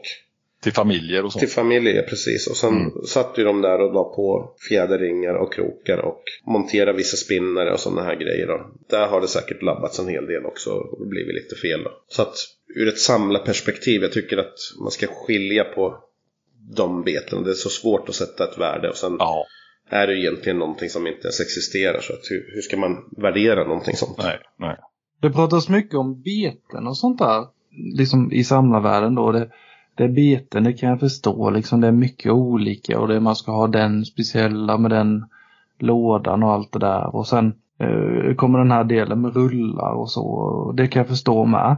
Men det pratas nästan ingenting om spön känns det som. Nej, det är färre samlare. Det finns ju många samlare där också. Men det, problemet är ju det att det tar ju, det tar ju mycket plats. Mm. Ja, Alltså hur, hur ska ja. man förvara det på bra sätt? Jag, jag har ju tänkt så här när jag samlar att det som jag inte kan ha på väggarna eller visa upp varför ska jag ha kvar det? Eller varför ska jag ha det någonstans? I någon låda eller i någon, eh, i, ja, i någon byrålåda eller i garderoben eller så. Då har det inget värde för mig egentligen. Mhm. Mm. Så, så tänker jag när jag började samla på rullar. Så ja, jag hade eh, ganska fint eh, skåp med en hel del rullar. Men jag, jag köpte dem, tittade på dem när jag fick hem dem, la dem i skåpet och så öpp, jag öppnade ju inte skåpet för att titta på rullarna förrän det kom in en ny rulle. Mm. Och, då, och då var det så här, men var, varför ska jag ha kvar dem? Ja, okej, jag fattar, jag fattar. Det är ju, ja, nej men spön är ju svårt att få det och hur man ska displaya det eller, ja det, jag vet inte. Mycket av, eh, inom meter så känns det som att spön egentligen står högst. Eh, det är väl kanske för att metet är just som metet är. Det finns ju inga gamla- metrullar sådär. Heller. Nej, nej så är det väl. Men så här gamla Drännanspön och sånt och sådär, det är ju kul liksom. Eh, men sen finns det väl inte så mycket som du säger. Det, det är väl bara spön, spön egentligen som, som är av intresse där såklart. Det, där ska ni, det finns ju en riktigt god, det är ju mest meten faktiskt. Eh, Facebookgrupp, den heter Traditional Angling eh, Retro Tackle, TART. T-A-R-T. Där är det ju en del, det är mest engelskt, eh, engelska medlemmar där. Men det är mycket goa bilder på met, eh, både metrullar och spön för mete och sådär. Det är också en jävligt svår marknad. Alltså mete. Vi är ju inte jättemånga som metar och av de som metar så är det kanske mindre än en promille som är intresserade av någon värde sådär. Alltså under alla mina år som jag har metat så har jag aldrig stött på att någon har kommit med någonting som skulle vara värt. På samma sätt som ett samlardrag eller Nej, någonting. nej, nej, det är sant. Men varför är det, är det gjorde ABU nå- någon satsning på bättre met, metgrejer någon gång? Eller hur, hur, är det bara engelskt? De har ju den här eh, halvinkapslade rullen. Abumatic Ja, ja, just det. 505 heter den så. Ja, jajamän. Och 506 och Ja. 503 och... Eh, Just det. jag vet inte om Rosen vet hur den ser ut. Nej, men... Du tänker en röd inkapslad rulle men sen har de så här skurit av som toppen på själva kapseln. Och sen har de en, vad ska man säga, som en bricka där på, en plastbricka. Så att du tar i linan och sen trycker du ner den här brickan. Och det är där som är själva mekanismen, alltså kastmekanismen. Och frikopplingen. Frikopplingen ja. Och den är jättepopulär i England. Det, är, det var ju ett tag det, the shit att ha i England, alltså som, som Just det. metrulle. Abumatic 505. Nej, eh, nej, Obu va? Inte Obumatic. Obu bara. Ja, nej precis. Han heter Abu 505 ja. Jag ska fråga profeten Google här tänkte jag. Mm, mm. Ah, okej, okej, okej. Nu är jag med ja. Ja, men den känner jag igen. Det gör jag. Så det var ju en sån här, alltså om du tänker att det, det är nästan som en centerpinnrulle fast på tvären. Ja, precis. Ja, just det. Så att du får ju en, en, en fin liksom lin avrinning på den. Mm. Redan på den tiden när jag började samla då gick de för ungefär 600-700 spänn någonting sånt där. Alltså helt utan paket och så bara som fiskerulle. Så att de, de är rätt värdefulla om man hittar en sån. Och hittar man en i originalkartong i mintskick så då, då får man mycket pengar för en sån. Ja, okej. Vad, eh, det här med samlandet och så. eh, Du nämnde England fattar ju. Eh, Japan. Är, Ja, är, men- fisk, är fisket ens stort i Japan? Och bu är jag med. Jag sitter ju en del, eh, den största så här, eh, källan till eh, mina beten det är ju Tradera då. Jag kollar en del i Ebay också sådär men och de gångerna som jag följer till exempel vissa Obu-saker även om jag inte samlas mycket på Obu så är det tyvärr så att mycket av de bästa sakerna säljs eh, till Asien. Jaha. Så Mm. det är, det är mm, alltså näst, jag skulle inte vilja säga nästan allt men nära på alltså. Mycket som går till eh, Asien. Så det är de riktiga st- storsamlarna med mycket cash sitter där. Det kan jag ju köpa liksom att det finns rika människor där men vad fan, fisk, fiskar de ens någonting eller samlar de bara på skiten för att ja, Både. Daiwa och Shimano kommer ju därifrån så att det nog fiskas det väl en del. Men det är ingenting som man så här, jag har aldrig kollat på något så här japanskt fiske. Nej, det är det jag menar. Eh, Ja, men, det- jag, ja. jag, har, men jag har kollat lite. Det finns ju vad heter det, både Tenkara som är ju, eh, blir väl egentligen någon form av eh, toppknutet flugfiske typ. Mhm. Eh, Mm. Som du gör i strömmande vatten. Och sen har jag också sett en annan, jag tror det var en japansk eh, fiske. Och då fiskar du med metspön som är, alltså säg att de är eh, max en meter långa. Och så är det hand, handgjort allting och det ska ju vara gjort av en mäster som har lärt från en annan mäster. Och du vet flöten som är mikroskopiskt små som är handgjorda, handmålade. Och så har du då, så ska du fiska nästan så små fiskar som möjligt. Alltså du ska liksom försöka få mikroskopiska fiskar. Så mikrofiske av något slag. Ja men typ. Och så är det, jag kommer inte ihåg vad det var. Det var några år sedan jag var inne. Jag följde någon där på Youtube och kollade. Så ser jag om man kan hitta det sen efter. För det var faktiskt riktigt. eh, Jag gillar ju nö- när det blir så nödigt liksom. Att du, det fanns en affär. Det var någon, han som spelade in filmen, gick in i en affär i Japan. Och då var det en mäster som, eh, som sålde eh, grejer. Då som, det var bara fiskegrejer, sådana här mikrofiske. Jättemånga olika små metspön som var jättekorta. Flöten som var bara någon, alltså kanske en centimeter. Och ja men det var så här, jag gillar när det blir så här supernördigt på något sätt. Känns ju typiskt japanskt. För de är Exakt. det ska alltid vara i så här nedåtfallande led med minst Ja. 15 generationer innan något är så accepterat. ja, det är verkligen sant. Men eh, på tal om flöten och det. Är ni, eh, är ni med i den eh, Facebookgruppen som heter Passion, Passion for Float Making? Nej.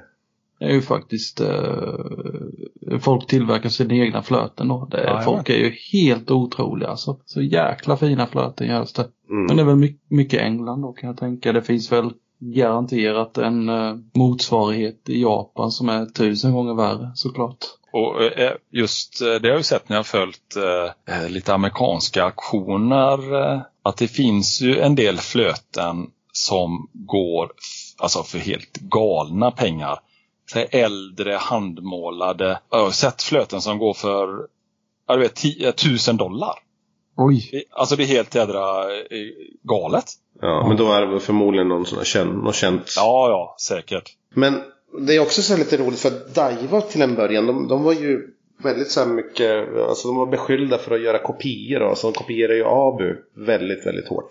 Och det är ju en lite rolig grej där i eh, Abu-boken, det är ju att de hade ju alltid strul med Daiwa. Fan, nu har de kopierat våra rullar. Och det, det var inte så att de typ kanske var lite likadana, utan det var en, det var en kopia alltså. Eh, så tog du en Daiwa-rulle och en Abu-rulle och sen blandade ihop delarna så kunde du sätta ihop två identiska rullar på delarna, även fast de var liksom mishmashade sådär. Så det var ju lite domstolsgrejer och sånt där. Och sen, då satte de ju dit Daiwa på en märklig grej för att de hade en, de hade gjort någon, någon rulle, någon, någon modell av något någon rulle. Sen hade det ju blivit kvar en jävla massa rullfötter. Alltså själva ja, foten till rullen. då. Och i den här gamla modellen så hade de stansat ett hål.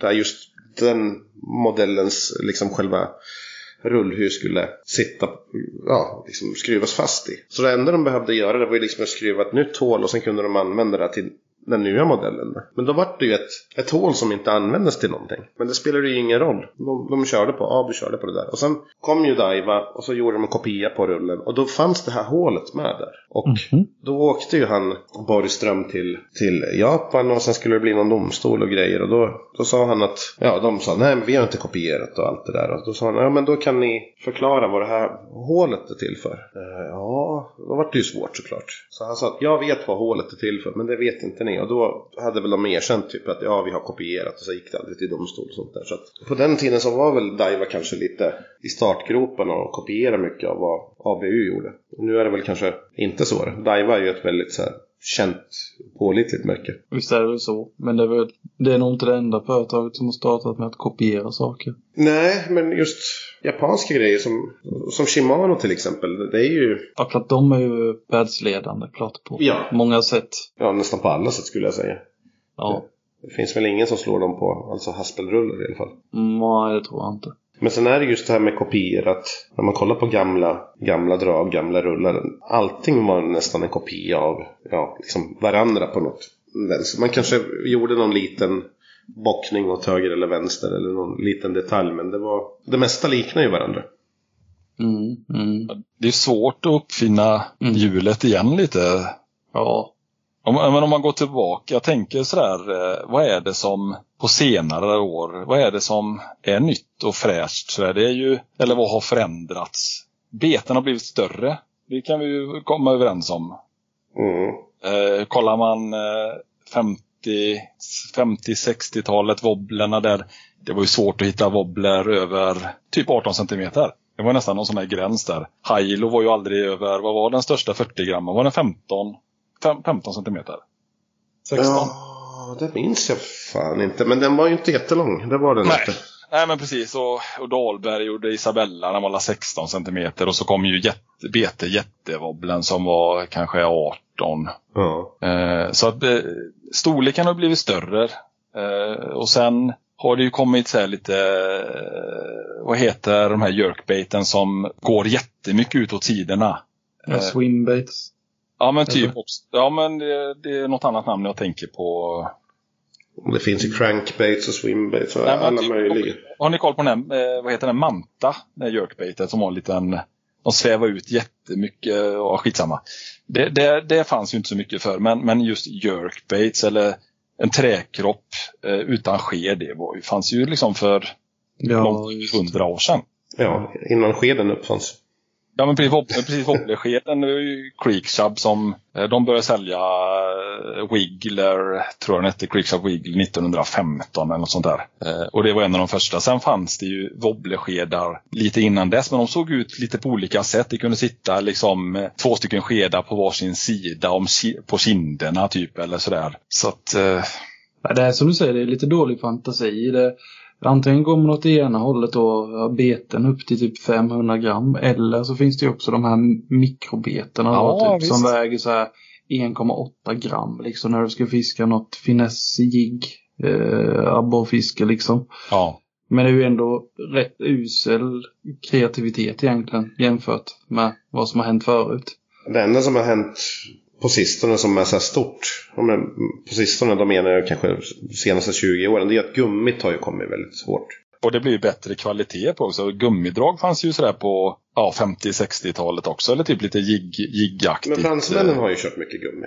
Ja, gummiwobbler och sådär. Men nu är det ju de här tail, tailbetena och sånt där. Men sen, sen är det ju också en grej att vi, vi tänker ju att gäddfiske är så globalt jättestort. Men det är ju bara en, en Alltså det, det kan ju inte vara många procent av det totala fisket med drag. Alltså om du kollar på jag liksom hela världen så är väl förmodligen drag från mellan 5 och 15 centimeter som säljer allra bäst. Mm. Ja men just det, det skulle jag säga. Sen har det ju kommit också de här, eh, vad heter de, gummibetena som är, så vet de är töjbara, de går inte sönder. Ja, man- just det. Man, man får absolut inte blanda med de vanliga jiggarna. Det Ja. materialet, det är, ju, det är ju ganska nytt och fräscht eller sådär. Ja, just det. Ja, det är faktiskt eh, inte så jäkla dumt egentligen. Nej. Nej, Du kan dra ut dem till och bli 50 centimeter långa och så går de ändå tillbaka till Ja, men- ursprungsläge där. precis. De har inte sett. Ja, jag- Savage vet jag har någon modell i alla fall och, och säkert massa andra märken. Ja, ja, vad heter det? Z-man eller vad heter det? Ja, Seaman där ja. T-man, ja just det. Och så, men det finns en hel del sådana. Men så är det. Men om, om du kollar på modernt abborrsfiske till exempel. Folk som fiskar idag, de är ju så här, oh fan det har kommit bladebeten och det har kommit allt möjligt vad de nu kallas. Och allt det där har ju samlare sett i tiotals år. Mm. Alltså det är ingenting som är nytt där. Utan det är bara en sån här revival att man har tagit någonting som inte har kanske funkat förr. Och sen nu har man förstått det där att aha, det är så man ska fiska med dem. Som, det fanns en, en gubbe här i Eskilstuna som var jävligt duktig på att fiska. Han, han drunknade faktiskt. eh, Lite sorgligt här något år sedan. Men han sa till mig vis- fiske i samma sjö, eller jag sa, sa till min husvagnsgranne rättare sagt att Ska du, ska du fiska efter abborre då är det bara ett bete som gäller och det är Abu Spinfin. Det är det bästa draget för abborre. Och det är ju ungefär som en, vad kan den vara? Du vet kanske hur en spinfin ser ut? Mm. Ja, ja, det är en blykropp på, kan det vara, 4 centimeter? Två cent- ja, det fanns ju, jag tror det var nästan Ja, det fanns små, sen så. fanns det ju lite större. Ja, precis. Jajamän, jajamän vad heter det, hakar du fast den på, liksom, på ryggen och sen finns det en, enkel krok med en eh, sked på som snurrar lite där bak. Och den kom ju ut 74 och Floppa totalt. Det var ju ingen som fattade sig på den där. Och idag när man kollar så är moderna abborrspeten, de ser ju alla nästan ut sådär. Så att där var de ju väldigt mycket före sin tid. Men man kanske inte hade varken grejer eller liksom förståelse för att fiska dem på rätt sätt. Nej men så är det. Och det vill jag bara säga att Åke Dahlberg som jag samlar mycket på, han hade ju en hel del eh, sådana riktiga balla beten. Fint målade jiggskallar med eh, fjäderhår eh, och en liten locksked på. Som, alltså, de gick fantastiskt i vattnet. Eh, och sen, sen eh, en grej han hade också eh, som troligtvis inte sålde var Bobby Bobby spinner, det var en flytande spinnare som du tyngde ner då med ett, eh, ja typ dropshot-tackel typ. Som du vevade så att botten, tyngden gick i botten och så spinnaren på det djupet du ville ha. Eller på hur långt från botten du ville att den skulle komma. Ja, och det är ju helt genialt egentligen. Ja, egentligen, men det var ju säkert ingen, säkert ingen som fattade hur du skulle börja kasta den första gången. Liksom, det flyter, alltså, vad är det för fel? Nej, men sen, sen fanns det ju vissa drag som man...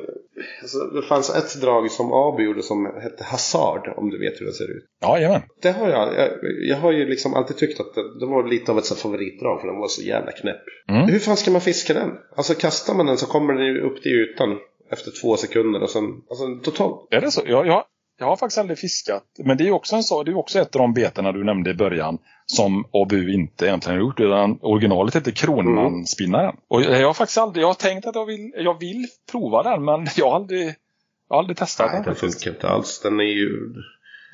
ja, men den är ju för lätt i kroppen. Hade den vägt det dubbla liksom. För de, de gjorde ju mycket det här med eh, Atom, Toby och alla de här. Så hade de ju olika plåttjocklekar. Så att, hade man gjort den i den här tjockaste plåten. Då hade den kanske kunnat funka. För då hade den ju liksom tryckts neråt. Och, och så, för, ja precis. Och för, titt, eller för lyssnarna då, Hazard då, det är ju ett skeddrag som rör sig ur sin egen axel så den ska spinna då. Är det väl Ja, fast det gör den inte. Den kommer bara platt i ytan. Ja, Ja, i alla fall så. den som jag testar.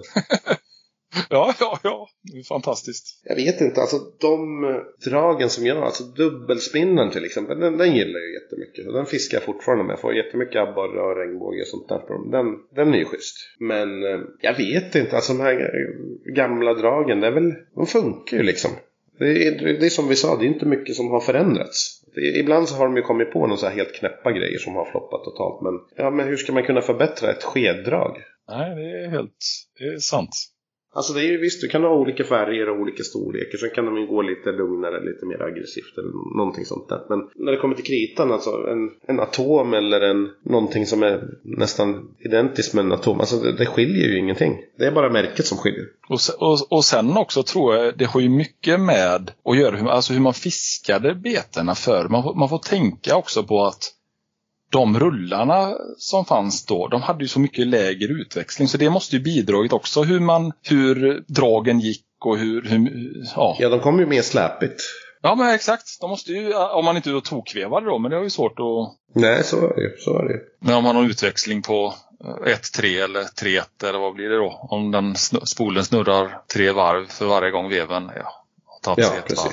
Man, man får ju tänka på helheten. Det går ju bara inte att ta ett drag och sen döma ut den på grund av att den inte funkar med modern utrustning. De hade ju lite så här strömbeten och eh, beten som man skulle fiska på olika sätt. Kanske dragrodd eller någonting sånt där då. Det var ju lite mer specifikt då. Det förstår jag ju när man tänker på grejen att kan man inte kasta ut draget, ja nej, men då blir det ju lite, då får man ju tänka om hur de ska konstrueras. Alltså som dragrodd till exempel, det är ju, wobbler det ska ju flyta för att du, annars är de i botten när du väl har fått ut den. Så sjunkande drag, det var ju inte, alltså wobbler, jag vet inte vilken som kan ha varit den första sjunkande wobblen som man vet men De, de första trädragen egentligen i USA, det var ju sådana underwater minnows, eller så det var ju att du, träkropp, propeller i båda sidor och så var den ju nedblyad. Så den skulle ju gå, vissa skulle gå under vattnet, så fanns det ju flytande också då, men många av dem var ju sjunkande. Och då kan jag tänka mig att eh, propellrarna gjorde att betet eh, gick någorlunda eh, varken i botten eller i... Nej, det är klart propelldragen måste ju nästan vara sjunkande för att de ska... Annars så kommer den bara efter båten i ytan för att de har ingen sked som trycker ner. Jajamän. liksom, sjunkande wobbler med sked. Jag vet inte vilken som kunde ha varit den första som man... Nej, det är en bra... Men det borde ju kommit någon gång där eh, innan, innan 1920 tror jag. Ja. För någon måste ju köpt den så de tänkte, vad fan, skiten sjunker ju. Ja, Ja. Alltså, något annat som är lite roligt det är ju liksom fästena för krokarna. Hur, hur det har så förändrats med tiden. För ett tag så var det jättepoppis med de här, vad kallas de för? De här skålarna som man liksom sänkte in i draget. Och så var kroken fast där. Ja men typ, eh, ja precis. Det fanns ju jättemånga olika sådana namn på vad de riggar. Det fanns ju L-rigg och det fanns ju, ja precis, och de toilet rigg och ja. Då tänker man ju nästa fråga att när kroken har varit slöa eller vassa eller gick av eller någonting. Hur fan bytte man krok då? Ja, eller så. Då byter ja. man bete helt enkelt. Ja, Ja. exakt. Nej, jag vet inte. Och, och sen fick jag också det här när du berättade detta att tittar man på många drag eh, förr, eh, speciellt då trävobblar eller trädragen innan 1930 sådär, de hade ju inte krokarna i rad un, under magen eller på magen utan de hade oftast också krokar Mm. på sidorna. Bägge sidorna som fenor ungefär. Jaha. Ja men precis, bägge. Ja men precis, för att det, det ska ju... Nu jävlar ska det krokas fisk Ja men precis. Och, och det, jag läste någon, eh, för ett tag sedan någon amerikansk forskning på det här. Eh, och de, de eh, kom fram till eh, att det var humanare med de här, att de hade mer krokar och krokar på sidorna för att de ville säga att eh, då svalde de inte, det var då bäst de fiskade då, då svalde bässen inte wobblen lika djupt. Så det var oftast lättare att liksom kroka av dem och sådär. Att den hade så mycket krokar så den fastnade. Men om det, det stämde. Det, Det kan nog mycket väl stämma. Det är så mycket krok så att de aldrig Ja, liksom kan det slinka ner i, i svalget. ja, eller hur? Ja. Sen måste vi prata lite om färgerna också. Att det, det, det är lite roligt sådär när man kollar på gamla wobbler och liksom vad, de, vad det var tank, tänkt att de skulle efterlikna och, och färger och sånt där. Just att du la ju ett inlägg om grodfärgade till exempel. Ja, just det. Att det kan ju inte vara vanligt idag. Nej, och då ändå så, vi, kopi, så här, vi kopierade ju i början där eh, på 20-talet. Vi gjorde ju första svenska wobblen kom väl till ungefär 1923. Som var en, en, en kopia då, men av ett amerikanskt drag. Eh, att vi kopierade så mycket beten och så här, men just den här grodfärgen. Jag, har, jag, har, jag kommer inte ihåg att jag har sett något bete som är liksom eh, grodmålat. Nej, inte, nej, i alla fall inte så detaljrikt. Alltså, vi- visst har det väl funnits gröna färger olika. Men Ja, det ja, där är ju jo, liksom grodfärgerna. För det, det konstiga med gamla beten är ju att de, de var väldigt så här liksom efterlikna liksom fiskar. Det kunde vara så här öringsbeten eller alltså väldigt fint målade beten. Eller sen hade du de här Mm. när man gled in på kanske 50-talet att då kom ju de här blåsvart och grönsvart. Och, men sen, sen hade man helt plötsligt eh, den klassiska redheaden. Men det, det fanns ju liksom inte så jättemånga gula drag till exempel. Det var en väldigt svår färg. Ja, på vissa tillverkare, eller så här, svenska alltså, Ja, men det fanns ju XRY gult där på Haido Jo, det fanns ju, men det var inte alls lika poppis som det är Nej. idag. Idag vill man ju gärna ha lite så här färgstarka beten. Men, Ja, men precis. För gösen och sådär. Det är sant. men Redhead har ju funnits länge. Och det, det är konstigt för att nästan alla färgerna var ju så här mörka, naturtrogna. Och sen har du Redhead. Men ingenting däremellan. Nej. Nej, jag har, sitter här och tittar. Jag har ju, ser någon sån här Head-On Gamefish som hänger där. Den är i rödvit. Den är ju ändå så 19... Den kom ju för precis 100. Den fyllde 100 år i, i år då. 1923 Mm. kom den. Sen är jag osäker på om eh, den färgen fanns de första åren. Men eh, nej, det är ju en klassisk eh, Mm. färg också. Därför Konstigt. den kunde ju lika gärna varit gulblå eller vitrosa eller vad som helst. Men nej, det skulle vara vitt och rött. Inget annat. Annars skulle det vara typ Nej. en öringfärg. Nej, det- Så det måste ju vara någon form av trend.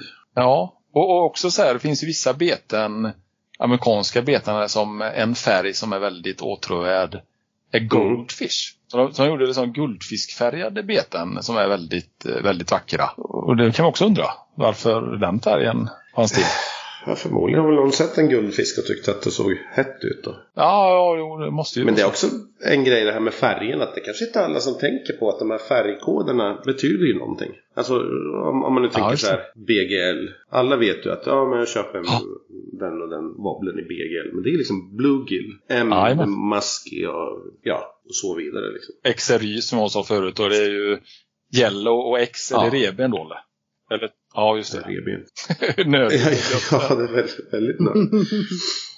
Men eh, om, man- om man nu tänker på att tiden går framåt hela tiden. Och vi samlar ju på grejer som kommer från, ja, ja, men, från tidens begynnelse fram till ungefär kanske 60-tal någonstans där som börjar bli lite så ointressant kan man tycka. Men om man kollar på 70-talet och till dagsdatum. Kan vi plocka ut fem drag som kommer bli värdefulla om 50 år från den tidsperioden? Det är en bra fråga. Någon, något drag eh, som är ganska bra värde, jag tror borde ju kommit på 70-talet, är ju Abu-räkan har ju ganska högt värde. Speciellt om du hittar någon, någon prototypfärg, en rosa eller någonting sånt där. Ja, Jag tänker kanske lite senare. Alltså jag, ja precis. Jo, jag förstår hur du tänker. jag tänker första Westins jätte till exempel. Jo, men den har ju också, den, har ju, den kan ju gå för bra Mm. pengar.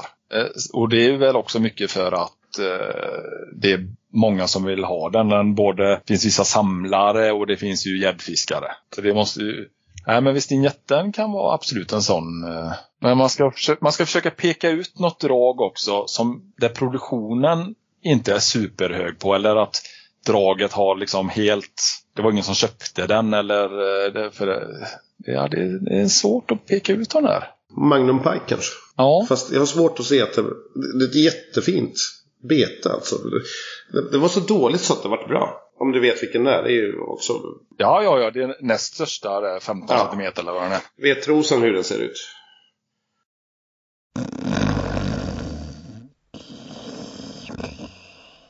Han är nog inte ens med oss längre. Han har somnat. jo, jo, jag är med. Jag är med. Nej, Nej, men alltså. Magnum Pag, jag, jag, eh, jag började, började tänka på Rappala, men uh, nej. Det är det ju givetvis inte. Nej, Jag har ingen aning faktiskt uh, hur den kan tänkas ut. Plastwobbler. Men skeden var ju Den var ju liksom, vad ska man säga, så halvhård eh, plastsked. Så att Plast. om du ville att den skulle gå lite djupare då böjde ju den- den bara med tummen och sen gick det ju lite djupare.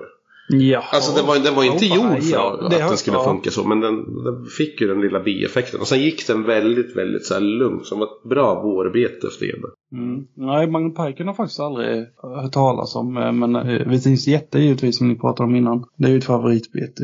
Men uh, ja, det blir till hundan faktiskt. Rapala Rattling Rap kanske? Nej, jag har ingen aning. Jo, men det, eh, ja, ja, de känner man ju Mm. till. Som Jag tror, det är, jag tror det är så stor eh, produktion. Man får nog försöka hitta något av de här lite mindre tillverkarna eh, eller sådär. Som inte, eller i så fall givetvis någon färg då på en Rattling Rap som är lite svårare kan man ju kanske. Men jag är inte, jag är inte så bra på Rappala faktiskt. Nej. Swim, jag säger Swimwiz om 50 år då. Ja, den är, den är inte helt dum faktiskt. Nej, några udda färger Mm. finns det ju. Alltså, Sen har du The Believer också, men den känns inte lika Ja. het. Det måste vara en Shimwiz. Cisco Mm, Kid mm. är väl ingen sån här... Nej, jag vet inte fan. Sen vet man ju aldrig typ med Nils Mast eller så. Det kan ju helt plötsligt bara försvinna. Ja, och så kommer väl någon kan det bli ett jättesamlarbete så här Gösambulansen om 50 år i originalförpackning eller någonting. Det är väl inte en pissgissning? Nej, alltså de betingar ju ett rätt högt pris redan nu. Alltså bara helt vanliga standard. Alltså de ligger ju på hundralappen och över. Ja, fan ska du köpa en eh, Nils Mast idag? Den kostar väl 200 spänn typ? Ja, ja. Ska du ha gösstorlek också 18 centimeter så är det ju 300. Ja, det är så jävligt till och med. ja, ja, det de har. Det måste vara en eh, riktigt god... Eh, Avans. ja, exakt på dem. Mm. Mm, mm, mm. Men det är också många led i, eh, som ska ha pengar där tänker jag. Ja, det är ju så. Jag ångrar att jag hade ju två sådana Magnum, Magnum. Jag vet inte hur långa de var, men de var väl säkert närmare 30 centimeter. Två Nils Masters. Jag sålde dem för 600 spänn styck. Ja, just det. 20, Ja, 25, 27 va? kanske nu när du säger. Hade de inte så här lite så här udda längd? ja, det är möjligt. Jag har dålig koll på dem lite längre bak i tiden. Men eh, om vi ska avrunda här lite grann. Vad tänker vi om framtiden då? Alltså, vart är vi på? Det var jag med nyfiken Vart är vi på. väg med betena? Kommer det, kommer det vara så att vi liksom kanske börjar tänka lite hållbart? Är det, är det liksom... Men eh, det, ja, just hållbart. Alltså jag beställde ett gäng eh, abborr och fänabeten i somras. Ja men typ 8-10 beten, mindre beten. Och den, alltså jag- fick ju, hu- jag fick ju hur mycket plast som helst i de jädra förpackningarna. Mm. Det, alltså, det är ju helt sjukt. Mm. Ja, det är sjukt.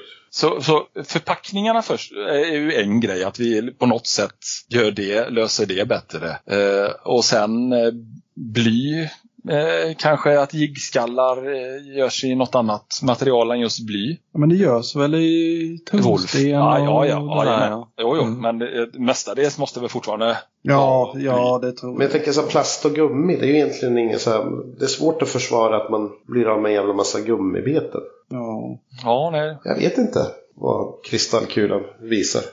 Nej, Det är svårt att säga. ja, det är svårt. Ja. Ja, Det är riktigt svårt faktiskt att veta vart... eh, Men just förpackningarna och, och bly, det måste ju... I vissa av våra vatten, det måste ju vara ton av bly. ja, herregud. Ja, Men tänk sådana här lax... Ta bara som eh, sprutet Ja. där uppe, ja, uppe i Dalälven. Alltså både metarna och laxfiskarna. Så det, det måste ju vara bly som du säger. Eller ton som du säger. Ja, ja, ja, eller hur? Ja, herregud. Hur länge ligger... Alltså det förs- försvinner det någon gång? Nej, det måste ju... Det Nej, det tror jag inte. Det är, det är för stort för att det ska Ja, kunna exakt. brytas ner. måste... I. Ex, exakt.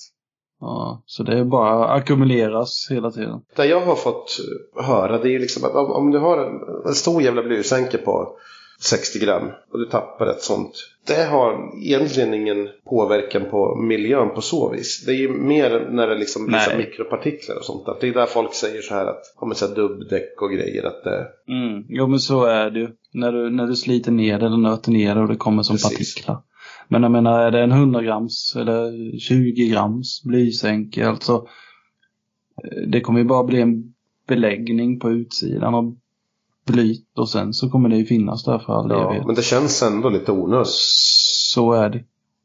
Ja, det är jävligt onödigt. Jag tänkte egentligen eh, lite på det här med att få släppa betena och lite sådär. Eh, och komma tillbaka lite till Henrik. Eh, vad har du för videos på gång? Vad, vad tänker du på vad, vad, när du går och jobbar och, och, och sådär? Vad tänker du inom fiske? Vad vill du släppa för filmer? Vad vill du göra? Ja, det, det är en bra fråga. Eh, jag har ju en film jag har försökt, eh, det var egentligen nummer två av mina filmer. Jag har släppt fyra nu då, eh, lite äldre filmer där jag fiskar med äldre grejer. Men nummer två var ju tanken att det skulle vara när jag fiskar typ gädda med 1800-talsbeten som, ja det har liksom inte, det har bara inte funkat. Någon gång så blåste det så att ljudet var skit och en gång var jag ute och då fick vi ingen fisk och så, så, så det har liksom, den har, den har inte bara blivit av. Jag behöver mer material till den. Mm. Eh, och sen är det, ja, det är lite sådär fritt om jag hittar något kul. Alltså det är mycket så här eh, lust. Vad jag liksom, hittar jag något roligt bete och jag så här, men det här, det hade varit roligt att testa detta betet eller denna rullen eller här, nu gjorde jag ju senast en film med franska beten och det var ju bara för att jag lyckades köpa ett spö av aluminium som jag liksom aldrig hört talas om. Jag visste inte ens att, vi, att det fanns spö som var tillverkade av aluminium. Nej, jag blev också lite förvånad. Det var ju jäkligt häftigt spö, måste jag säga. Ja, det kändes ju enormt svampigt. Trots att... ja, ja, men det var ju glas, det var ju precis värsta glasfiberkänslan där och jag förstod ju då efter första, eller efter en tur och fått tiotal mindre abborrar. Då var ju spötoppen som ett S. Den var ju liksom hur, ja, den var ju böjd åt flera olika håll liksom. Ah, Ja, jag såg bilden du lagt ut på den där. Ja, precis. Ja, bilden finns där på, på Facebook där. Inte Men hur alls tänkte vackert. de där då? Nej, det- jag vet ju inte. Det kanske var så här att det var så här ett hett, coolt material. Det var ju gjort av Duralumin, hette det då. Och det hade man ju, man tillverkade flygplan bland annat. Eh, och för, ja men precis, jag tänker att det var säkert ett, ett coolt material. Kanske. Jag Ja, är- garanterat ja. ja. Eh, Nej men det, det, så det är mycket vad jag hittar jag något roligt eller får jag lust att prova något intressant bete som jag inte vet hur det går eller sådär. Det, det finns inga, ingen sådär jätteplan egentligen utan det är mycket vad lusten faller in. Ja, okej. Ja, alltså det är ju så häftigt med gamla grejer. Alltså man kan ju, man kan ju mishmasha det där också. Att man kan ju ha gamla grejer med modern utrustning och kanske eh, jämföra liksom hur kastar ett gammalt spö kontra ett nytt. Att man har en, en ny rulle. Men jag kan tänka mig att du ligger sömnlös över de här frågorna. Ja men det är precis, det har ju, jag har ju eh, tänkt någon gång för jag har ju en del eh, gamla svenska rullar från ja, typ 50-60-talet. Kanske filma en, eh, en sån rullbattle och se hur de kastar och, och hur de beter sig. Så för mycket, mycket av de grejerna jag har, det har ju inte, jag har ju inte testat eller vet hur, hur de går. Det, och det är ju det som eh, driver mig lite också att jag gör det liksom mycket för mig själv att jag det är roligt att testa det här betet eller det här spöet eller hur tänkte de när de gjorde det här draget. Mm. Det, det, det, det, det är sjukt eh, roligt. För det blev så här, jag kände också för något år sedan när jag, när jag fiskade mycket att det blir mycket så här eh, Antingen så åker jag och fiskar för att jag har någon plan för fisket. Att ja, men jag vill ha, jag ska ta så här många kilosabborrar i år eller någon sån plan. Eller så blir det att jag fiskar för att jag behöver koppla av. Att det blir liksom någonting, det har varit mycket på jobbet, jag behöver liksom komma ut i naturen och fiska. Då behöver behöver det inte betyda så mycket vart jag fiskar eller med vad, utan då är det mer bara för att komma ut i tystnaden. Men jag kände också så här ibland att det blev att jag fiskade mycket på samma ställen med samma beten efter samma fisk. Och då, då blev det så här, hur kan jag också göra det på ett annat sätt? Jag har ju liksom, ett tag var jag ju sådär eh, att nej, jag kan ju inte, jag kan ju inte använda de här gamla grejerna för vissa eh, betingar ändå så ett ganska högt värde. Och, och då, blir det, då blev det så här att ja, men kan jag hitta, kan jag hitta liksom samma drag fast det är en gammal beater som amerikanerna kallar liksom wobblen när de är jättetrasiga. Eller så här, de, de är, betingar inget högre värde utan man kan fiska med dem med gott samvete. Eh, Så nu, nu, sen jag handlar lite äldre grejer nu, då handlar jag antingen för, eller byter eller så här köper att antingen så hamnar de ju i samlingen och hängs upp på väggen. Eller så kan jag använda dem liksom med gott samvete. Eh, Och det kan vara liksom alla möjliga konstiga beten som jag vill eh, testa. Något som jag tycker är otroligt alltså fascinerande och samtidigt väldigt, väldigt bortglömt. Eh, med tanke på, jag snackar lite Åke Dahlberg och sånt där. Det är ju casting. Ja, just det. Det var ju en stor... Eh, han var ju kanske mest känd eh, för just eh, casting. Han vann ju två internationella, minst två internationella tävlingar eller Mm. VM sådär. Gubben kastar ju över 120 meter med en sån rekord 20, 2100 sport. Nej, för det, det skulle ju också vara jävligt roligt att man kanske lägger ut en, ja, något mål eller någonting på någon fotbollsplan och sen testar man olika gamla liksom, konstellationer av spön och rullar. Alltså, hur pass, alltså dels hur långt de kastar och sen precisionen och sånt där.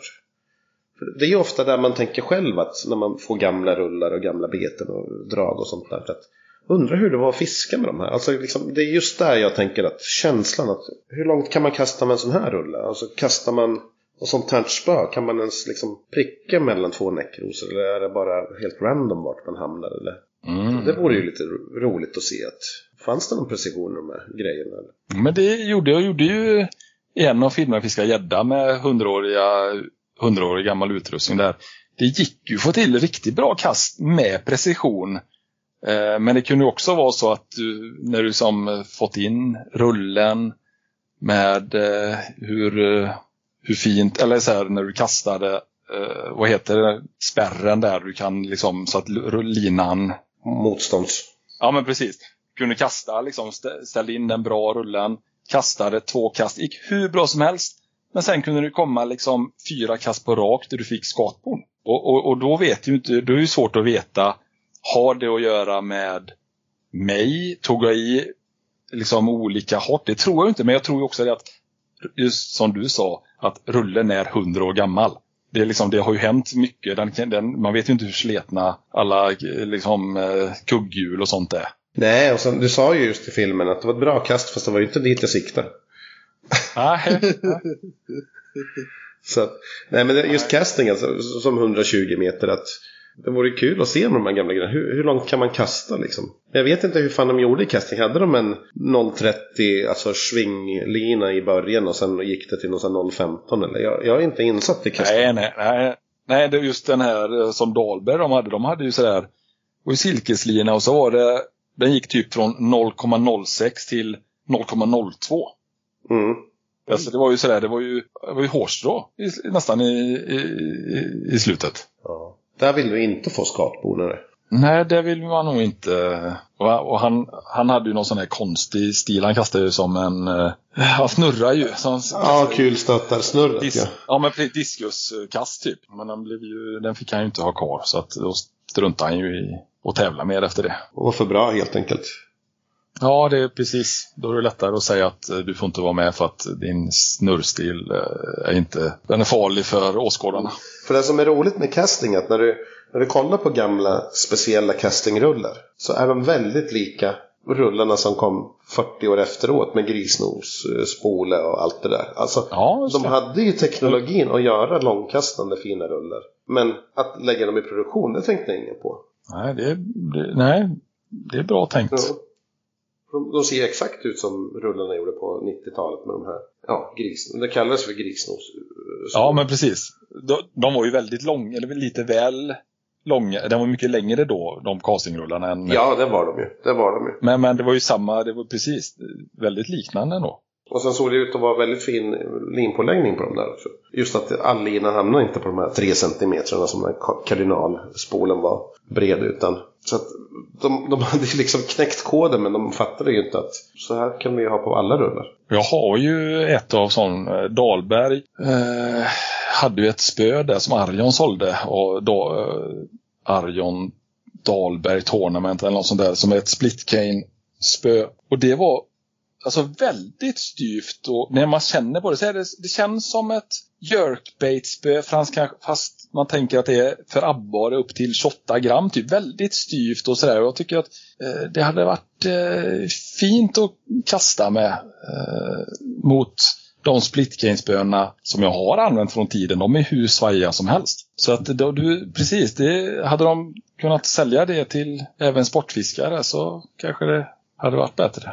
Det är just det där som är lite så fascinerande med sportfiskeprylar. Att man uppfinner nästan alltid sakerna långt innan de, liksom, poletten ramlar ner på hos folket. Jaha, så här kan vi ha det. Det, det är liksom med beten, spön, rullar. Allt det här som har blivit standard eller praxis. Det har ju uppfunnits för 20-30 år sedan minst. Mm. Startsträckan är väl lång helt enkelt. Så är det nog. Mm. Nej, jag, jag vet inte, jag vill be- be- berätta en sak så här, jag, eh, som jag... Eh, jag gillar ju att forska i eh, olika saker sen när det kommer vem som har tillverkat olika drag och sådär som varit okänt. Eh, jag och en eh, samlarkollega i Finland började kolla så här lite, jag kommer inte riktigt ihåg hur eh, vi började, eller hur den idén kom till, men vi började kolla i USA på no, eller skandinaviska emigranter som flyttade till USA som, som började tillverka fiske Ja, fiskedrag typ, eller rullar eller sådär. Och det är fascinerande många som, som, som flyttade från Sverige, Finland, Norge, Danmark och började tillverka fiskegrejer i USA eller i Kanada. De flyttade kanske på slutet på 1800-talet. Ja, Och Det var, så, det var så många så att vi... Alltså man skulle kunna fylla en bok nästan. jaha. Så här fascinerande. Bland annat en eh, gubbe har skrivit om han eh, Eh, på Facebook. Eh, Ivar Hennings. Han eh, flyttade i slutet av 1800-talet. Jag tror han var tio år till USA med sin mamma och pappa. Gick i skolan ett år, kunde knappt liksom, förstå vad läraren sa innan han slutade skolan. Sålde tändstickor för att hjälpa familjen få pengar började som springpojk, så här som 11-12-åring på något företag. Eh, och arbetade upp sig inom det företaget så blev han någon form av ekonom och sen eh, gick han över och började jobba på South Bend som var en av de stora tillverkarna av fiskedrag eh, och fisk, eller fiskerullar och beten och spön i USA. Och så blev han till slut ägare av hela det eh, företaget. Jo, jag har hört den, den storyn också. Ja men det, ja, men det är helt, det, sen jag fick reda på det, det var helt sjukt. Han hade sen en okänd gubbe som var en av, ja, en av de mäktigaste i världen inom sportfiskeindustrin var, var liksom svensk ett tag. Mm. Om man då inte bortser från Borgström och sådär. Men eh, det är liksom en helt, helt okänd eh, nästan berättelse.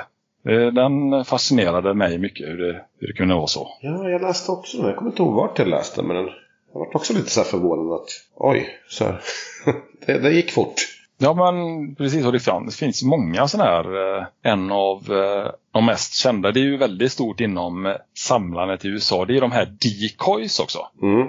De här risfiske decoys och, och fåglar och så här för man skulle Det var mest, var det från spjut till början man använde decoys eller så här, man högg upp ett hål och så tryckte man ner en decoy, det är ju en träfisk då Mm. som är 20-30 centimeter så var ju den gjord på det sättet att när du ryckte i den så gick den som en balanspirk typ. Den snurrade ju runt nere i djupet så den gick ju runt sin axel typ. Och då, och då när det kom någon eh, mask eller någon gädda då så stod man väl där med ett eh, spjut och, och försökte få träffa fisken. Det känns ju väldigt så här onödigt komplicerat tycker jag. Ja, men det, det känns så. Eh, men det, det, där är ju också en sån en svenskättling där. eh, Oskar eh, Oscar Pettersson eller Peterson. Hans sådana decoys, det är ju så här sjukt, sjuka pengar på. Jag tror det är hundratals tusen för de finaste. Fler, alltså flera tiotal tusen. Ja, ja, det är helt... eh, Men det känns som att de är lite... eh, Ja, det är mycket... Det finns ju mycket mer samlare i USA. Så att priserna är ju högre konkurrens och det blir högre priser. Ja, andra Ja, pengar i USA. Ja, ja, annan valuta och allt det där. Ja. Ja, ja det var ett sido, sidospår. Ja, de gillar vi. Ja, Sidospår. häftigt. ja, det blir det mycket av här i denna podden. Ja. ja, det har varit roligt att prata om gamla, gamla drag och rullar och spön. och Få se utfallet helt enkelt. Det är väl, det är väl kanske folk som tycker att det är intressant att liksom ta en titt i, i den världen och, var ska man då vända sig? Om man nu eh, är intresserad av att börja samla. Är det rullen som gäller eller? Ju, eh, nej, det beror ju på. Eh, vill man få lite hjälp på traven så kan man kontakta SK Rullen. finns ju en hemsida där. Eh, blir man medlem får man eh, fyra, ja, fyra tidningar om året. Eh, om gamla rullar och spön och sådär. Där finns det också kontaktpersoner för eh, diverse olika beten eller eh, sådär om du har frågor att ställa. Den vägen gick jag. Det finns säkert andra vägar eh, att gå också men eh, det är ju ett bra sätt att få eh, ett större kontaktnät direkt. Man, det är svårt att veta vad man ska ställa frågor annars Mm. och lära Mm. sig liksom saker. Ja. Gillar man Abu då kan man Det finns en Facebookgrupp som heter All About Abu. Och sen finns det Just en det. hemsida som heter Reels Reels. En australiensisk gubbe som har Ja, Det är en jävligt bra hemsida men den är ju så Ja. plottrig så att det, det tar ju en, en halv evighet att hitta någonting där. ja Wayne, Wayne Reels där sidan. Ja, undertecknaren har ju skrivit så arga eh, artiklar om att man måste liksom kunna veta vilken, eh, vilken, vilket årtal de olika papplådorna har kommit ifrån. Jag gjorde en lång, ett långt utlägg om de där grejerna. Orerade lite. Ja, men ja, jag tänkte säga att det är så vi opererar. Att vi kan ju bli fruktansvärt upprörda på att någon lägger en pappkartong från 1960 som helt klart och tydligt är 1955. Ja, och det finns ju, Tradera är ju ett, eh, också ett bra ställ, sätt att kolla vad beten kanske går för och, och sådär. Köpa och, och sälja. Mm. Sen finns det finns ju ett par olika Facebookgrupper. Jag är ju med i mängder av eh, både franska och amerikanska och finska och norska. Och, ja, så det, det, det finns ju eh, många bra sidor på Facebook. Men eh, nackdelen där är väl att eh, många av de äldre samlarna har inte Facebook till exempel. Så det är svårt att nå dem där. Sen, sen kan man ju samla, jag vet att vissa samlar bara drag i till exempel zebrafärg. Spelar inte så stor roll om det är just Abu eller Arion eller vad det nu kan vara för fabrikat. Bara det där zebrafärget så då köper de det. Så att, alltså ska man gå in och tänka att nu ska jag samla och jag ska få en komplett samling då, då ska man hålla på med något annat. Det är typ nästan omöjligt. Det är så stora summor och det är så svårt att hitta. Ja, ja. Man, man blir bara upprörd till slut.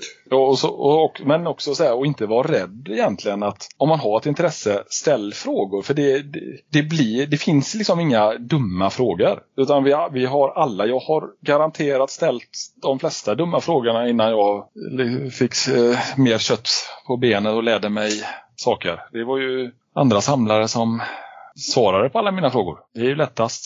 Fördelen är ju att det är egentligen en... Du kan nästan aldrig gå back på det här. För priserna ökar ju från år till år till år. Alltså köper du ett drag idag för 500 spänn så kan du nästan vara säker på att den är värd 1000 spänn om 10 år. Ja, det, det är en, ja men precis. Det enda som skulle göra att priserna går ner egentligen, det är ju i så fall om det blir något tredje världskrig eller något så här riktigt jädra Mm, illa. precis. Då har vi nog värre saker att oroa oss för än att känns det som. Ja, jo, men exakt, exakt. Ja, så... Ja. Ja, nej men det har varit en, verkligen roligt att prata med dig. Tack, det har varit kul att varit med och Annorlunda podd Tjata. den här gången, men det får ni ta. ja, Och det är alltid kul med nya inslag. kolla gärna upp historiefiskarna för att det är otroligt roligt och lärorikt, tycker jag. Bra videos Mm. och bra hemsida och ja. Enig. mm. Tack, tack. Kul att höra. Ja. ja, men då tackar vi dig Henrik. Kul du ville komma. Tack för att jag fick vara med. Tack. Ja, kanon. Tack, tack. Hej. Hej då allesammans. Hej, hej.